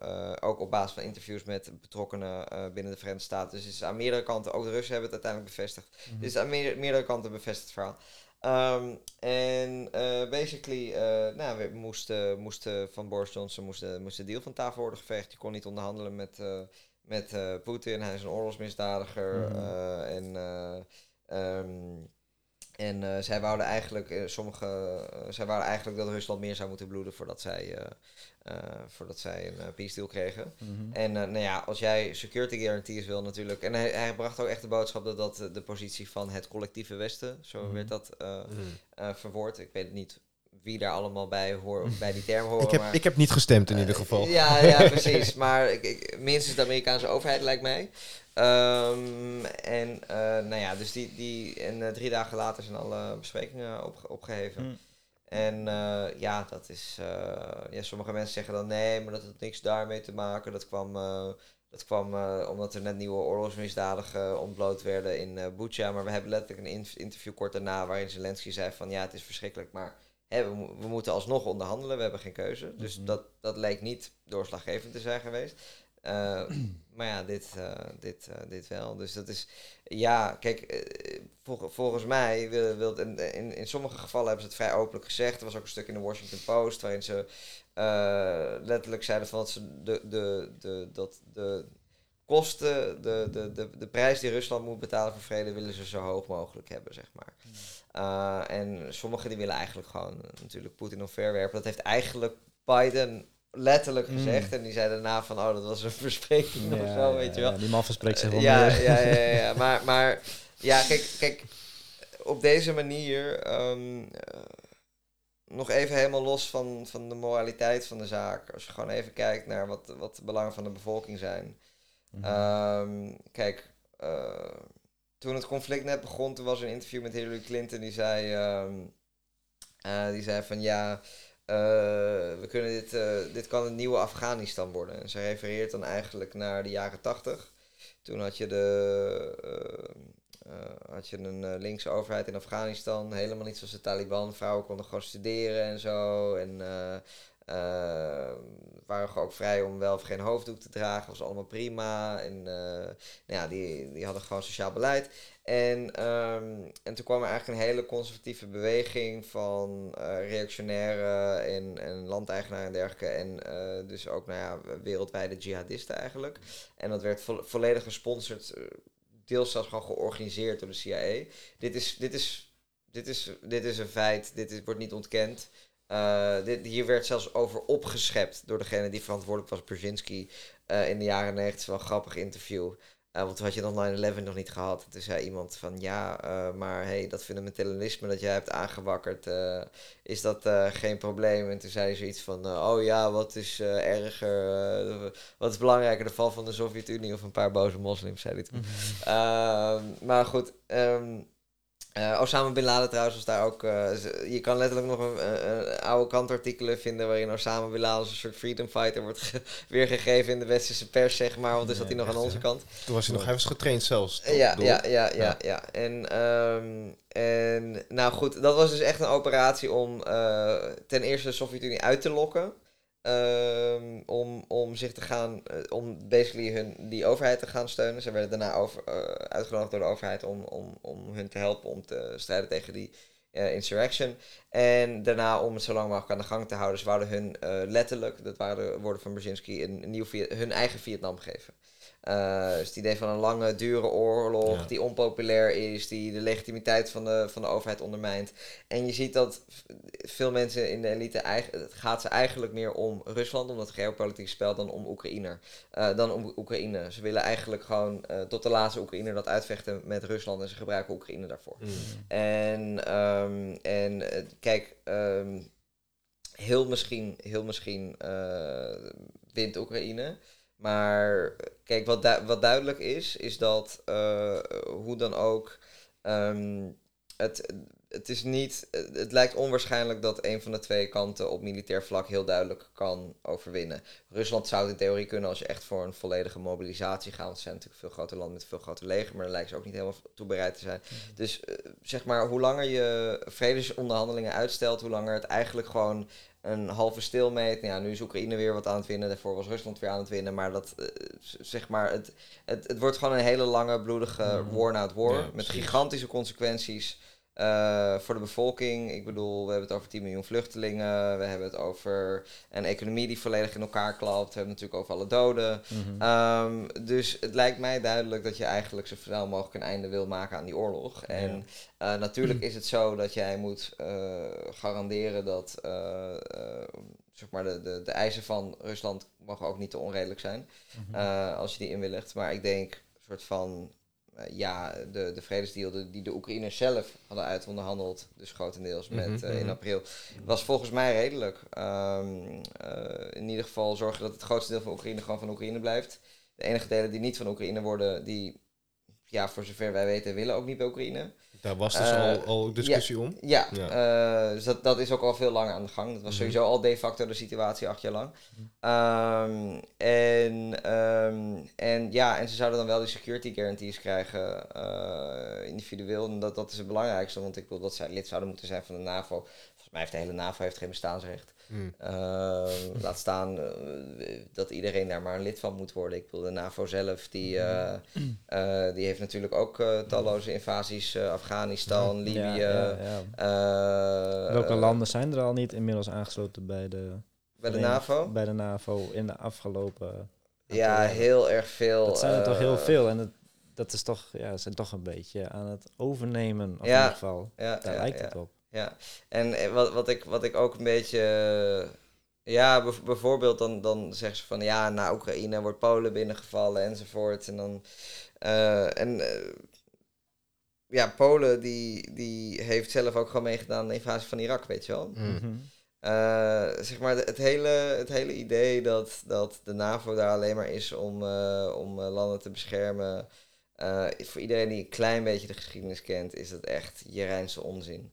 Daar zou ik inderdaad wel even iets vullen, op, eh, aanvullen vanuit eh, een artikel die je had doorgestuurd van de Wereldmorgen. Ja. Dat je had eh, geschreven, het militaire budget van de NAVO is 1,2 biljoen dollar. Zesmaal hoger dan dat van China. En je Ja. sluit eigenlijk af met de vraag van wie bedrijft wie hier dan in? Ja, exact. En eh, de vergelijking met Rusland is nog veel schever overigens. Dat is eh 17 keer zoveel. Ah, Eh, als je de NAVO vergelijkt met het bondgenootschap van Rusland, die heeft ook een militair bondgenootschap, de CSTO. Ehm, maar ja, dat, de NAVO is gewoon het grote militaire blok van Ja. de grote rijke landen die de rest van de wereld uitbuiten.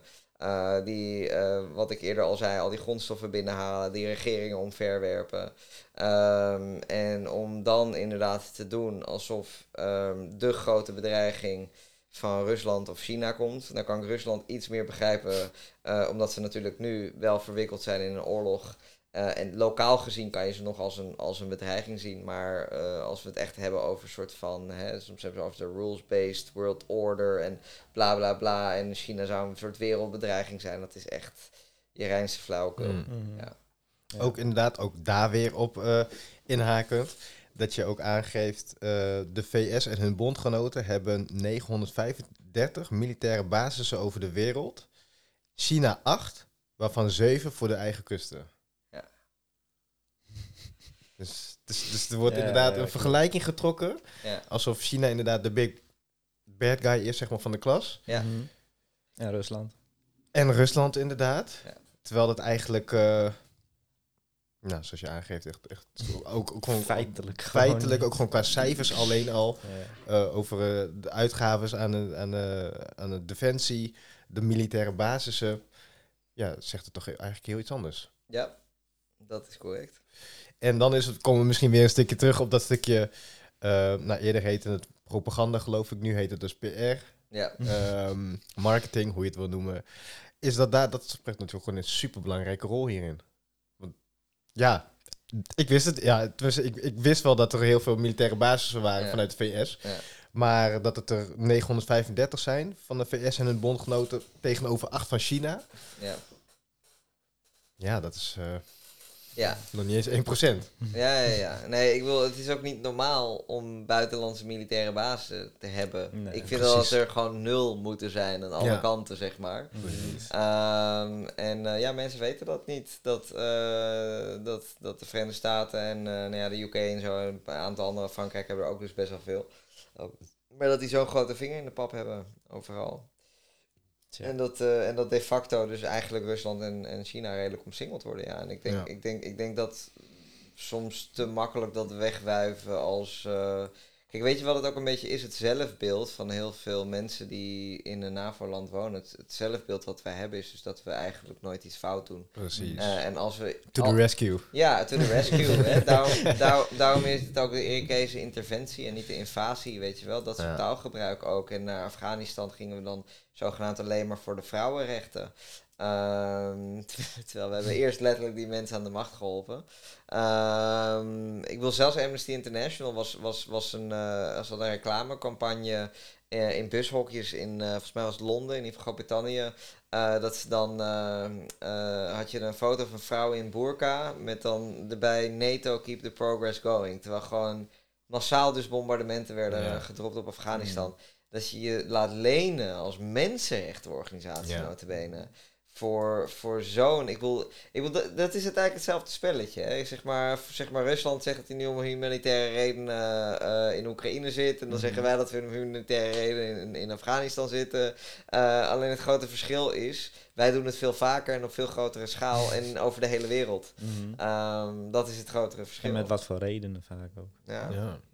ja, En uh, nee, in het geval van Afghanistan trouwens ook. Um, zag je ook dat ze die oorlog echt wouden. We weten dat er al heel snel werd aangeboden, uh, een overgave werd aangeboden door de Taliban.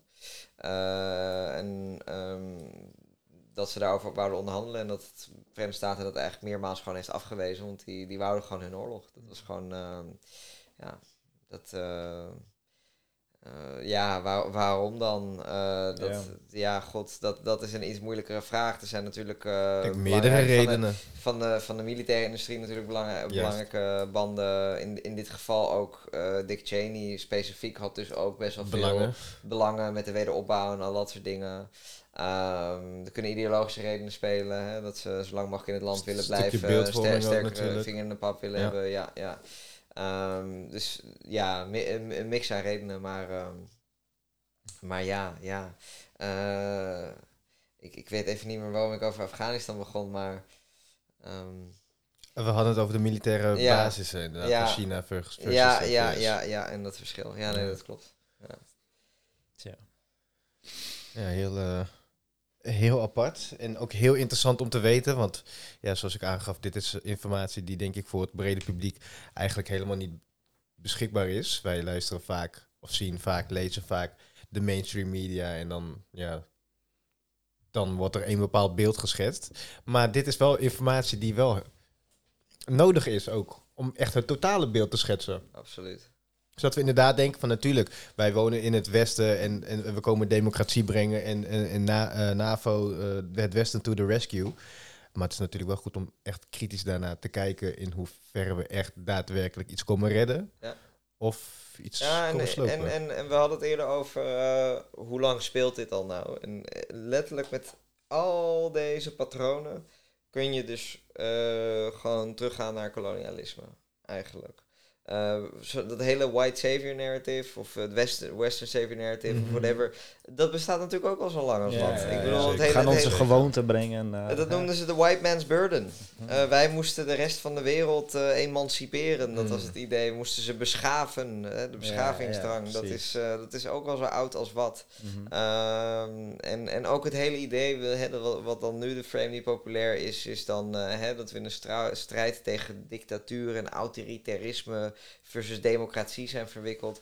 Dat is echt je ruimste flauwekul. Um, als je kijkt zelfs op de categorisering van Freedom House. Het is een, een, een denktank die gewoon door Amerika wordt gefund, door de Amerikaanse overheid. Het is gewoon een hele pro-westerse denktank. Als je gewoon hun categorisering neemt van wat dan volgens hun dictaturen zijn... Um, dan uh, zie je dat 74% van de dictaturen worden gesteund door de Verenigde Staten.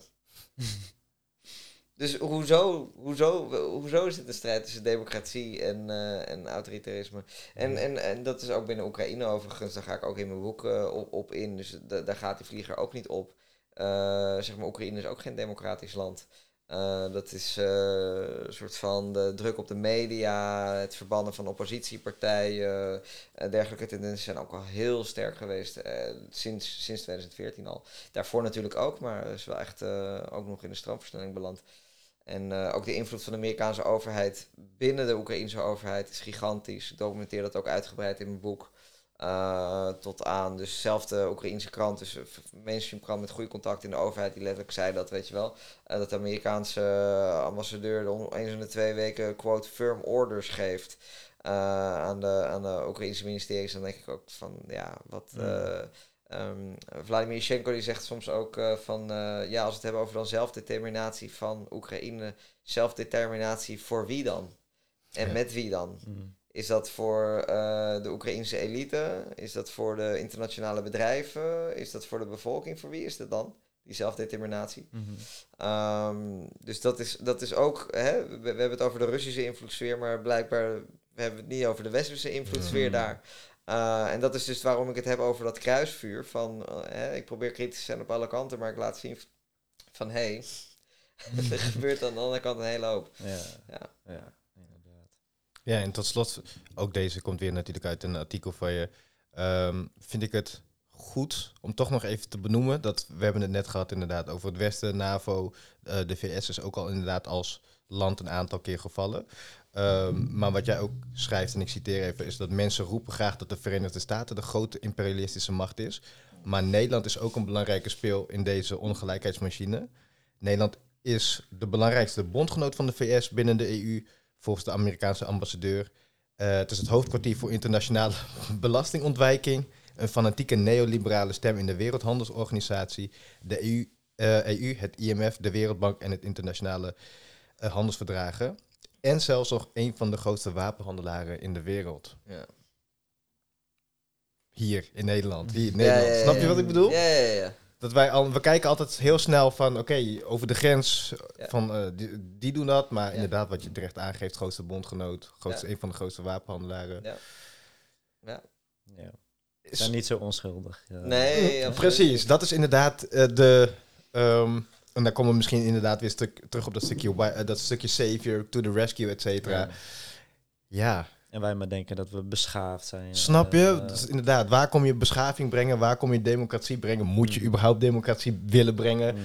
Maar wie, ja, wie, wie, wie, heeft ons, wie heeft ons ooit die positie gegeven? Of Ja, toegezegd. toegeëigend? Ze hebben hem toegeëigend. Ja, dat, begint, dat begint bij de VOC. Dat begint bij de Ja. VOC. Dat- inderdaad, ja. Dat is grappig dat je dat zegt, inderdaad. Mij is verteld de VOC, en dat is daar eigenlijk waar we het eerder over hadden. Dat stukje bedrijven, een stukje regeringen, wat staat nu boven wat, zeg maar. Is dat V- de VOC was destijds eigenlijk de eerste echte grote multinational Ja. ter wereld. Ja. En daar is het allemaal begonnen. En, eh, en daarom krijg je. En, en, en, daar, en, dat, en dat bestaat dus nog steeds. En, dat, en diep down beseffen mensen zich dat wel. Daarom krijg je dan zo'n slip of de tang van een balkenende. Ik weet niet eens of dat, VOC-mentaliteit. ja, ik weet niet eens of dat een slip in de tang was. Die vindt dat gewoon. VOC-mentaliteit. Ja, het echt, gewoon, ja. Hij was echt trots op, Ja, ja. ja, ja. Ja, dat is. eh, Volgens mij had eh, Rutte ook nog een vergelijkbare ik weet, uitspraak. Ik weet niet meer wat het eeuw was, maar iets, iets over de Gouden Eeuw ook weer. Ja, Gouden Eeuw is letterlijk. Ik bedoel. Dat wordt letterlijk op de. UvA onderwezen. Dat is gewoon de titel van een vak, weet je Mm. wel. Dat je echt denkt van...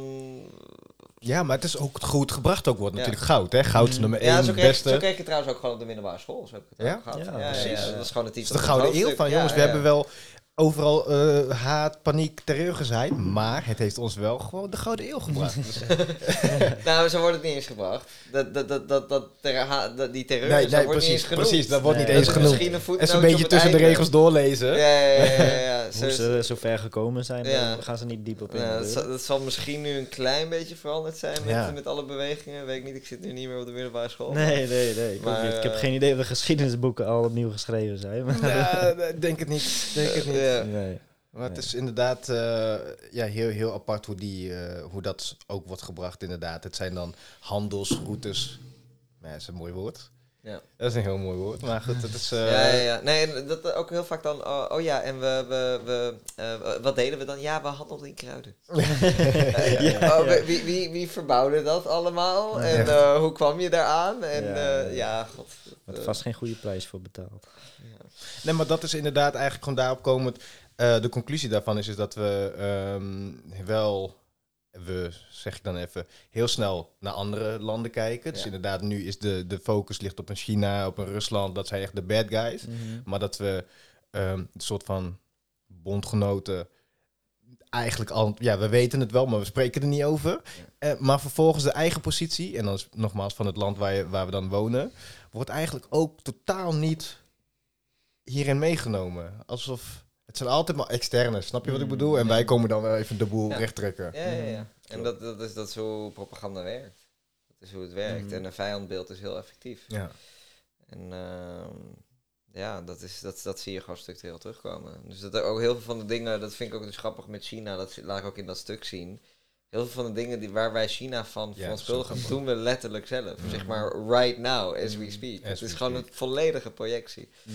Ehm, hè, bijvoorbeeld dan de, de, de schuldvaldiplomatie, zoals ze dat dan noemen. Nou ja, het is inmiddels echt volledig onderhoud, uitgehaald door allerlei onderzoek van John Hopkins University onder andere. Eh, maar dat is in ieder geval een theorie dat, eh, en het wordt vaak nog steeds zonder bewijs genoemd, eh, een theorie dat, ne- dat China dan een soort van landen expres in de schulden werkt. En dan een soort van onderhandse deal fixt. eh, dat ze dan in de, in de fine print soort van ineens allerlei havens en weet ik veel wat kunnen overnemen als ze het niet kunnen betalen. Ehm, en nou, dat is goed. Ik ga nu niet al, al die onderzoeken herhalen, maar dat, dat, dat, dat kunnen mensen dan opzoeken eh, in mijn stuk.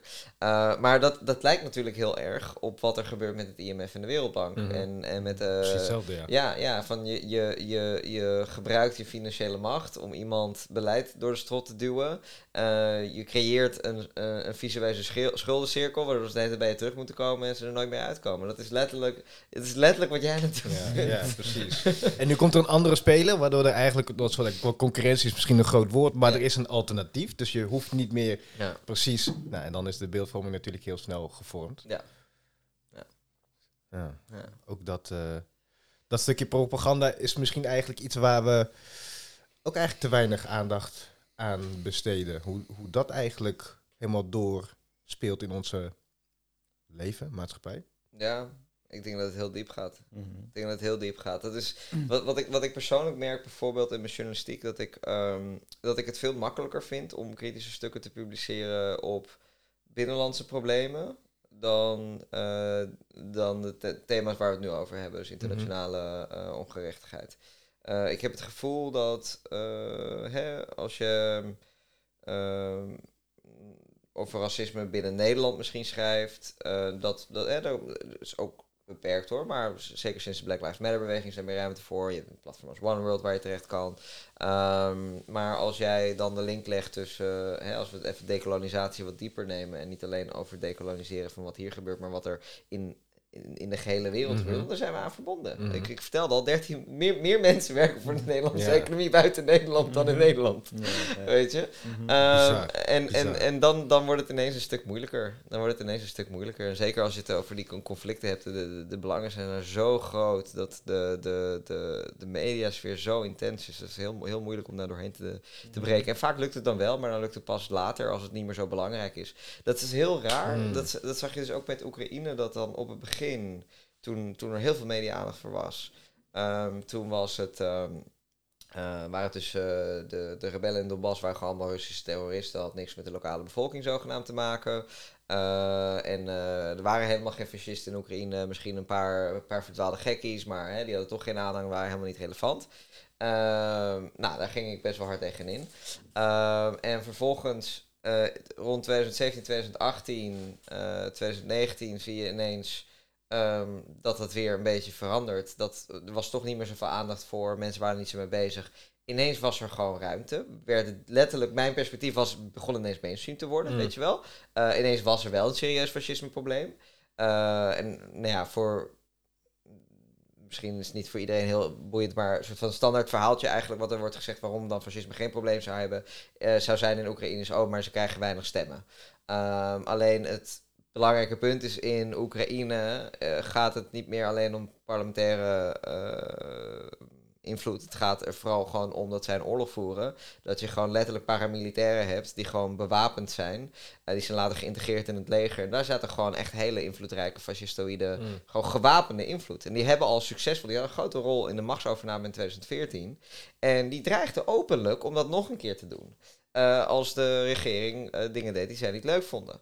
Dus het monopolie op geweld van de staat was, was niet meer absoluut. Hmm. Ehm, daar, daar, daar, daar, daar hadden ze wat te zeggen. En, en dus eigenlijk elke serieuze analist ineens in 2018, 2019 leek toe te geven. Het werd zelfs, zelfs zo'n stuk gepubliceerd op de Atlantic Council. Wat gewoon een denktank is die gewoon gefund wordt door alle westerse overheden en wapenbedrijven. Zelfs daar Hmm. werd dat gezegd.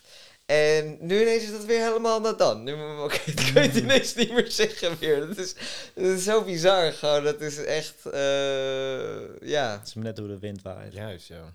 Ja, ja, dat is. eh, nou ja, en, maar, maar er is dus een reden waarom die wind zo waait. Want nu zijn de belangen weer heel groot. Weet je wel, ze willen niet dat er vredesonderhandelingen komen. Ze Mhm. willen niet dat er ook maar enige legitimiteit is voor Ruslands verhaal. En ik, ik ben het ermee eens dat, dat Rusland overdrijft. En ik ben het ermee eens dat Rusland andere belangen heeft. Maar dat betekent niet dat, soort van, dat er helemaal niks van klopt. Mm.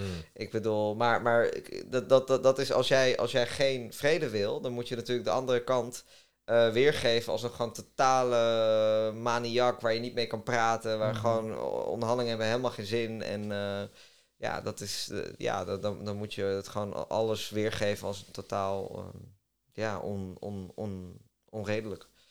Ja, precies. Tja, laten we hopen dat het eh, niet te veel escaleert. Hè? In, eh, Ja. in eh, wereldwijde catastrofale gebeurtenissen. Dat mogen we alleen maar hopen, denk ik. Hopen, ja, hopen is. ehm je kan van hopen ook een actief werkwoord maken. Ehm, in de zin van. eh, kijk, hopen, je kan hoop zien als iets wat je gewoon. eh, weet je, ik zit in mijn kamer en ik hoop. Beetje een passief beetje bedoel je. op- Ja. ja. Ja. Maar eh, ja, je, mijn, mijn moeder die zei vaak, die had blijkbaar van haar vader, mijn, Armeense, mijn tweede naam komt ook van hem, van Kaspar, eh Armeense grootvader uit Istanbul. En die, eh, die zei blijkbaar altijd tegen mijn moeder van, je moet, eh, als je moet bidden, moet je niet aan God bidden dat hij je wat geeft, maar je moet bidden dat hij jou de kracht geeft om Mm. het zelf te fixen. Ja, precies. Ehm, dus op die manier zou ik hoop ook het liefst willen zien. Het is, het is iets wat je zelf kunt creëren. Eh, het is iets wat we gezamenlijk kunnen creëren, nog beter dan Mhm. dat. En eh, daarvoor, eh, daarvoor is er werk aan de winkel. Zeker. Absoluut. Lijkt me een hele mooie om mee af te sluiten. Yes. Ja, op zich hebben we heel veel dingen besproken, denk ik. Heel veel informatie eh, gewonnen, inderdaad, eh, vanuit jou. Waar ik nog even op terug wil komen is... ehm, je gaf aan dat je wat eh, medische problemen hebt eh, ervaren, eh, niet zo heel lang geleden. En dat heeft jou een reden gegeven om de Nederland te vertrekken en naar Chili te gaan. Kun je daar een klein beetje over vertellen? Niet heel uitgebreid, maar natuurlijk. Ja, ehm, eh, dat is eigenlijk. Dat is, ja, ik kan het kort over de lange versie geven. Ehm, eh, ja, ik heb eigenlijk al tien jaar best wel veel gezondheidsproblemen gehad. eh, af en aan, op en neer. Ehm, het was heel lang niet duidelijk wat het veroorzaakte. Zeg maar, dan had ik een auto-ongeluk gehad. En dan was dat op zich wel heftig. Maar dan verwacht je dat je misschien een soort van. Oké, twee weken in bed ligt. Maar dan zit, je, Mhm. zit je ineens drie maanden in bed. En ben je nog een jaar moe. Weet je wel, dat soort shit. Eh, en een paar, paar van dat soort voorvallen. En eh, veel later zijn we erachter gekomen dat het te maken had met een, eh, met een tumor. Eh, wel goed aardig tumor, maar die zat op een verkeerde plek. En die nou ja, ver- veroorzaakte allerlei problemen met mijn immuunsysteem. Eh, die is verwijderd, weer teruggekomen. Moest weer verwijderd worden. Deze keer radiotherapie eroverheen, zodat het niet meer terug zou komen. En goed, lang verhaal. Mhm. Een hoop ellende. Ehm, en eh, ik heb nu, nou ja, knock on wood, mijn allerlaatste rodeo in principe gehad. Ehm, en ehm, dus in principe is dat positief. We weten eindelijk waar het vandaan kwam. We hebben het opgelost. En de kans dat het terugkomt is nu echt heel klein. Ehm, maar... Wat eh, kwam, waar kwam het vandaan als vraag? dan? ja, het is, Dus, eh, want, want vaak eh, hoor je niet echt eh, de aanpak van de oorzaak, maar juist heel vaak de, nou ja, het behandelen van de symptomen. Van. Ah, zo bedoel je. ja. Ja, nou bij mij was het wel, het, het is iets heel zeldzaams. Uh, craniopharyngeoom. Ehm dat, eh, dat kent de gemiddelde huisarts vaak niet eens. Ehm, daardoor was het ook heel vervelend, want ik, het werd Ja. ook heel lang niet serieus genomen. Weet je wel, dan denk je van, oh, je bent gewoon moe, je stelt je aan of zo, Mhm. eh, whatever. Mhm. Ehm, maar eh, ja, dan, dan, in zo'n geval is er vrij concrete behandeling mogelijk. Dus dan, dan, kan, je wel de, dan kan je dat wel weghalen.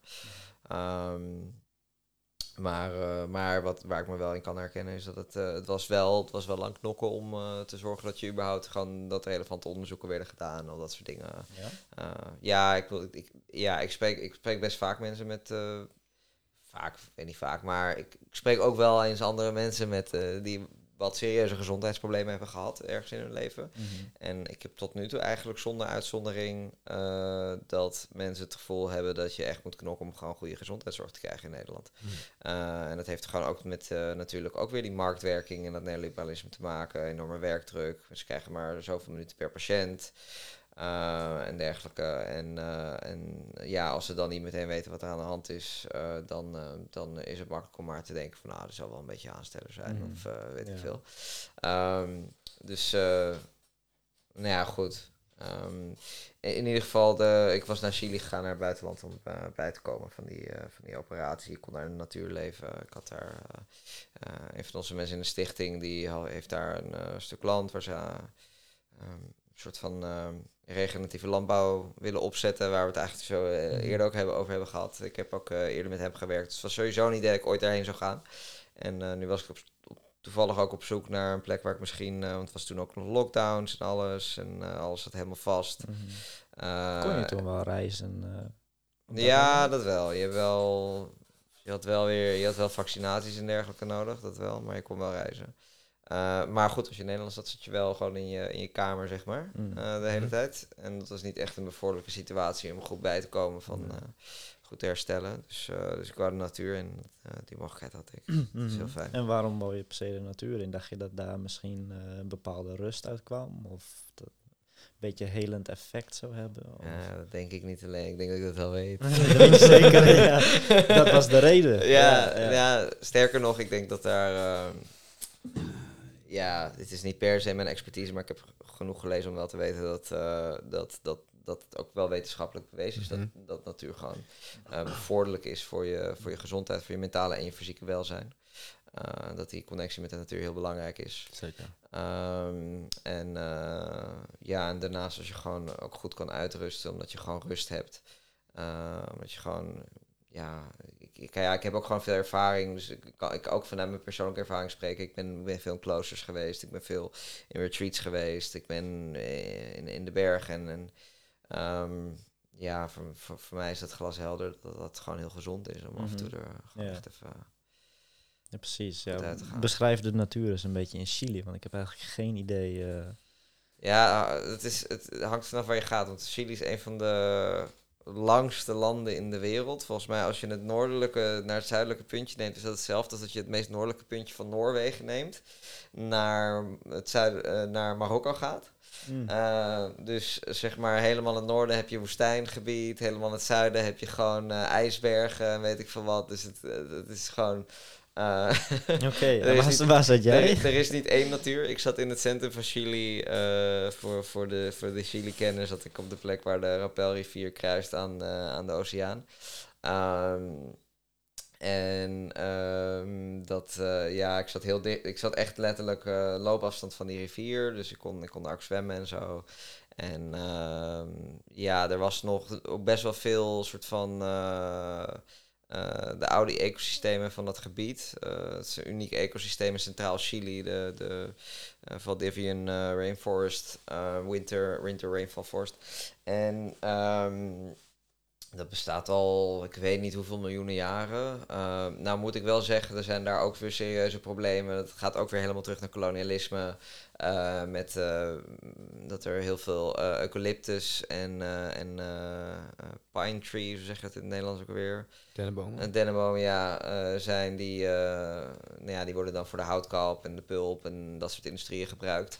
Ehm, maar die verdrijven dan weer de, de lokale biodiversiteit. Dus dat zag je ook hoor, in het regio. Dus wij willen bijvoorbeeld in een stukje land waar ik zat, is heel grappig.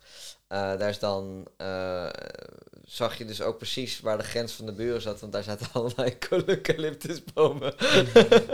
Eh, dus dat, dat is dan wel weer pijnlijk. Nou waren er nog wel gebieden waar dat nog wel beschermd was. Als je een beetje gaat rondlopen, dan kon je dat nog wel echt, Mhm. ook nog die prachtige oude bossen vinden. Ja.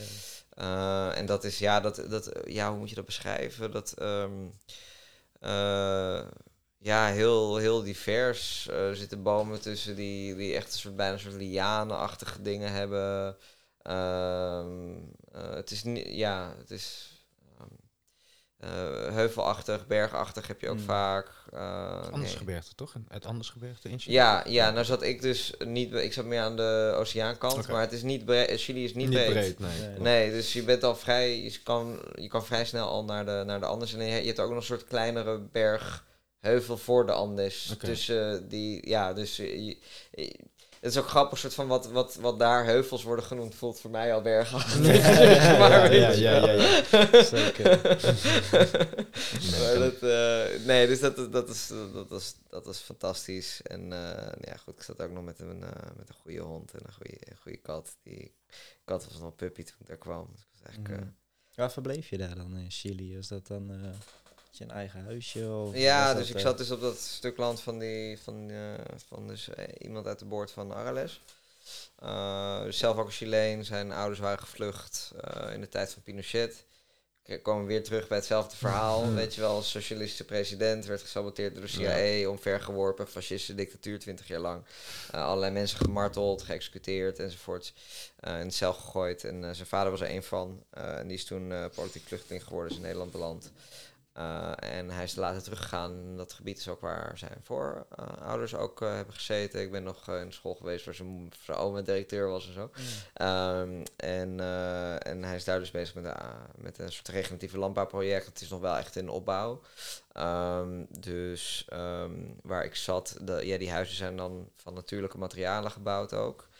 Eh, een deel hebben we nog zelf gedaan terwijl we er waren ook. Eh, Mm. Dus dan ga je gewoon zeg maar klei stampen. Je stopt er koeienpoep bij en, en, en, en hooi en een aantal andere dingen.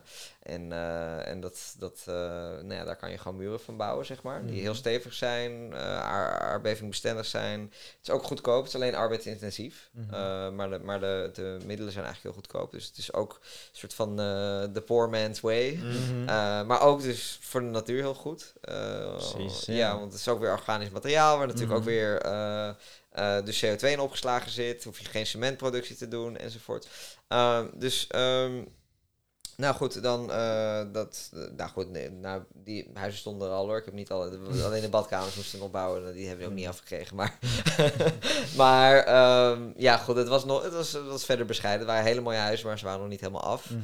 Uh, dus, uh, dus was er nog nauwelijks meubilair, weet je wel. Ik sliep gewoon in mijn Ja, slaapzak. En, en het was ook nog niet per se echt geïsoleerd of zo. Nee, maar eh, je had daar ook geen eh, stromend water, elektriciteit, denk ik. Ja, we hadden wel een put, een waterput. Mm. Het is niet drinkwater, maar In in ieder geval voor, eh, de, voor, de, voor de bomen en zo Mm. uh, uh, water geven. En, uh, of als je wil douchen, nou, dat doe je dan gewoon met de slang, zeg maar. maar. Um, dus daar, dat heb je wel. Maar drinkwater en zo, dat moet je wel halen. Ik had ook geen auto, dus het is twee, drie uur lopen. Oh, naar de Twee, drie dichtstbijzijnde, winkeltje, zeg maar. Of de vaak deed je dat? Uh, dus dat moet je goed inplannen. Dus dan doe je ja, één keer per week alles in één keer. En, uh, Ja, ja, ja. Dan- precies. Maar je moet heel wat water meenemen, denk ik dan. eh. Ja, het water is eigenlijk niet te doen, Nee. lopend, want dat is te zwaar. Ja. Super Dan, zwaar. dan, dan moet je een lift proberen te regelen bij een buurman of uh, nou ja, zoiets. Ja, Ja, ja. ja. Hoe lang heb je uiteindelijk daar eh, gezeten? Ik, uh, bijna zeven maanden. Zeven maanden. Ja. Heb je, uh, want je ging daar in principe heen voor, een, uh, voor je herstel. Heb je dus ook na de zeven maanden ook, nou ja, aantoonbaar verschil is misschien een groot woord, want het zal vast wel, maar dat je ook echt hebt kunnen merken dat, dat, je, dat het je daar heel goed heeft gedaan, op wat voor manier dan ook? Ja, ik merk het eigenlijk al heel snel. Oké. Uh, Kun je ik denk dat ik uh, binnen, binnen één maand eigenlijk had ik het gevoel al. Ik zeg niet dat ik dan meteen tip-top was, maar ik, zeker de eerste maand merkte ik het grootste verschil, denk ik. Omdat je dan dat contrast heel erg. uh, Ja. Ja. dat ik echt al meteen een soort van. Ik weet nog dat ik daarvoor echt uh, 13, 14 uur op een dag sliep. En weet je wel, gewoon tijd moe was. En heel weinig kon. En um, ik was al vrij snel dat ik gewoon. Ja, dat ik gewoon dan tien uur slaap en dan ook gewoon best wel cool was, gewoon Ja. overdag, Mhm. weet je wel. En dat werd nog langzaam iets beter en iets beter, tot ik Ja. tegen het einde eigenlijk, eh, voor mijn gevoel, draai ik nu eigenlijk best wel goed mee. Weer gewoon goed weer, eh, en eh, ik wil binnenkort ook weer gaan beginnen met sporten en zo.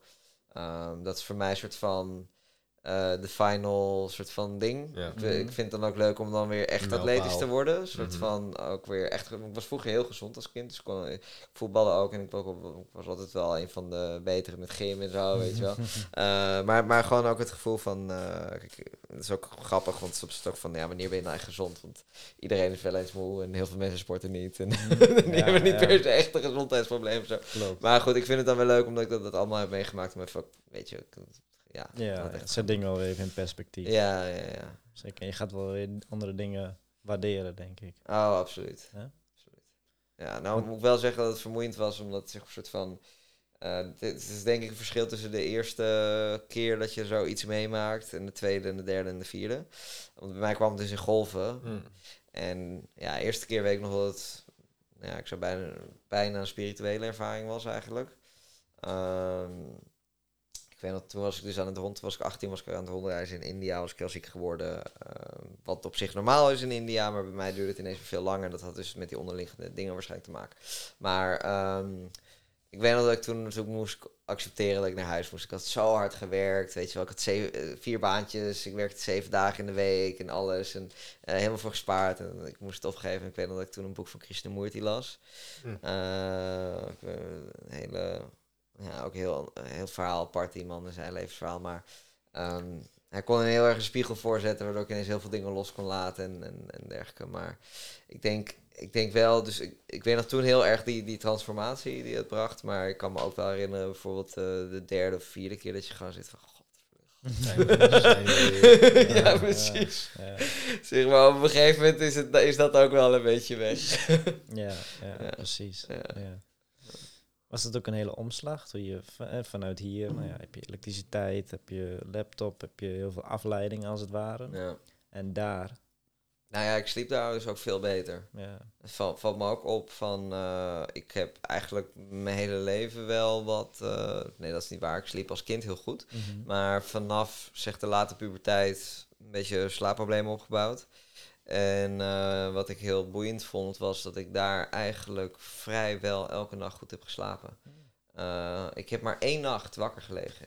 En dan ook niet zo heel lang. Volgens mij sliep ik om twee of drie uur. Vind ik in zeven maanden tijd echt super netjes. Echt super netjes. En eh, ook gewoon goed ritme, weet je wel. Staat gewoon op met... de en eh, dat, dat is ook zo. En ik was ook daarvoor was ik redelijk verslaafd geraakt aan oordopjes en oog, oogkleppen. Dus die gebruik ik ook niet meer. Dat ben ik, eh, ook, dus nee, dat is helemaal... Ja, ik werd gewoon Echt in je- wakker. natuurlijke slapen. ritme Ja, je ja, ik werd wakker door, door de licht. Of als de, Ja. hond, eh, als de hond me kwam likken. weet je. Oké. Omdat hij naar buiten wil. Ja. Eh, nee, maar dat, eh, ja, dus dat... eh, Echt een reset eigenlijk. heel erg. Ja. Heel erg. Je merkt dat je veel geaarder bent ook. Dus omdat je ook op een ander ritme leeft, weet je. Als je gewoon eh, simpele dingen als naar de wc gaan, moet je even een stukje lopen. Als, eh, als je de pomp voor het water aanzet, dan moet je ook weer best een eind lopen. Eh, als je vuurtje wil gaan stoken, moet je ook weer, weet je wel, hout gaan halen, weet ik veel Mhm. wat. En Ja. Je bent gewoon de hele tijd in beweging. En eh zelfs zijn het kleine stukjes, maar omdat je, ik weet niet, in, je- alles duurt gewoon langer, weet je wel. Koken duurt langer. Ehm, eten halen duurt langer. En, en je bent daardoor gewoon wat meer met die dagelijkse dingen bezig. Bezig, en dat aard je ja. gewoon heel Ja. erg. Ja, Ja, ja. ja, precies. Ja, ik zat heel Ik denk dat het voor mij ook wel een keer goed is om, eh, om daar naartoe te gaan. Even weer eh, de rust opzoeken. ja. Maar goed. In ieder geval, eh, ik denk dat het een mooie afsluiter is. Heel erg bedankt voor je verhaal. ja. En voor het werk wat jij eh, doet natuurlijk. Wij, eh, waarderen wij enorm. 100%, 100%. Is er nog iets of ergens waar eh, een plek waar mensen jou kunnen vinden? Nou, ik heb eh, sinds kort, na jaren, eindelijk mijn website bijgewerkt. Ja. Eh, dus dat is heel makkelijk. Dat is christeploeg.com. Dat is gewoon mijn volledige naam. C-H-R-I-S-deploeg.com. Eh, en daar kun je eh, vrijwel alles vinden. In ieder geval qua schrijfmateriaal. Zo, kijk, ja, dingen die ik organiseer en zo, die worden vaak niet opgenomen. Dus Nee. dat is wat het is. Eh, maar mijn artikelen en zo kun je daar vinden. Mijn boek kun je vinden. En ook wel een aantal eh, evenementen die ik heb georganiseerd. Die is en opgenomen kun je daar ook wel vinden. Dus dan, eh, eh, daar, daar, dat is de, dat is de go-to place nu. Juist, ja. Zeker. Ik zou eens tegen de mensen zeggen, check het. Want inderdaad, de artikelen die ons had doorgestuurd, eigenlijk ter voorbereiding van deze podcast, waren super interessant. En eigenlijk wat we zojuist hadden besproken over het stukje beeldvorming, et cetera, dat wordt daar helemaal goed uitgelegd. En ook inderdaad, voor de mensen die sceptisch zijn, er worden heel veel bronnen gebruikt. Ja, ja, dus, dat is, eh, dus dat is allemaal ingekapseld. ja, Ja, volledig. En Dat, eh, ja, dat is belangrijk, zoals ik zei. Ja. Top. Nou. Ja, en iedereen bedankt voor het luisteren. Ik zou zeggen, eh, like ons, vind je dit leuk, deel het met je vrienden en familie. En abonneer. En, eh, abonneer op ons kanaal. En eh, houd ons in de gaten voor de volgende. En jullie ook bedankt. Chris, Graag bedankt. gedaan. Heel erg bedankt.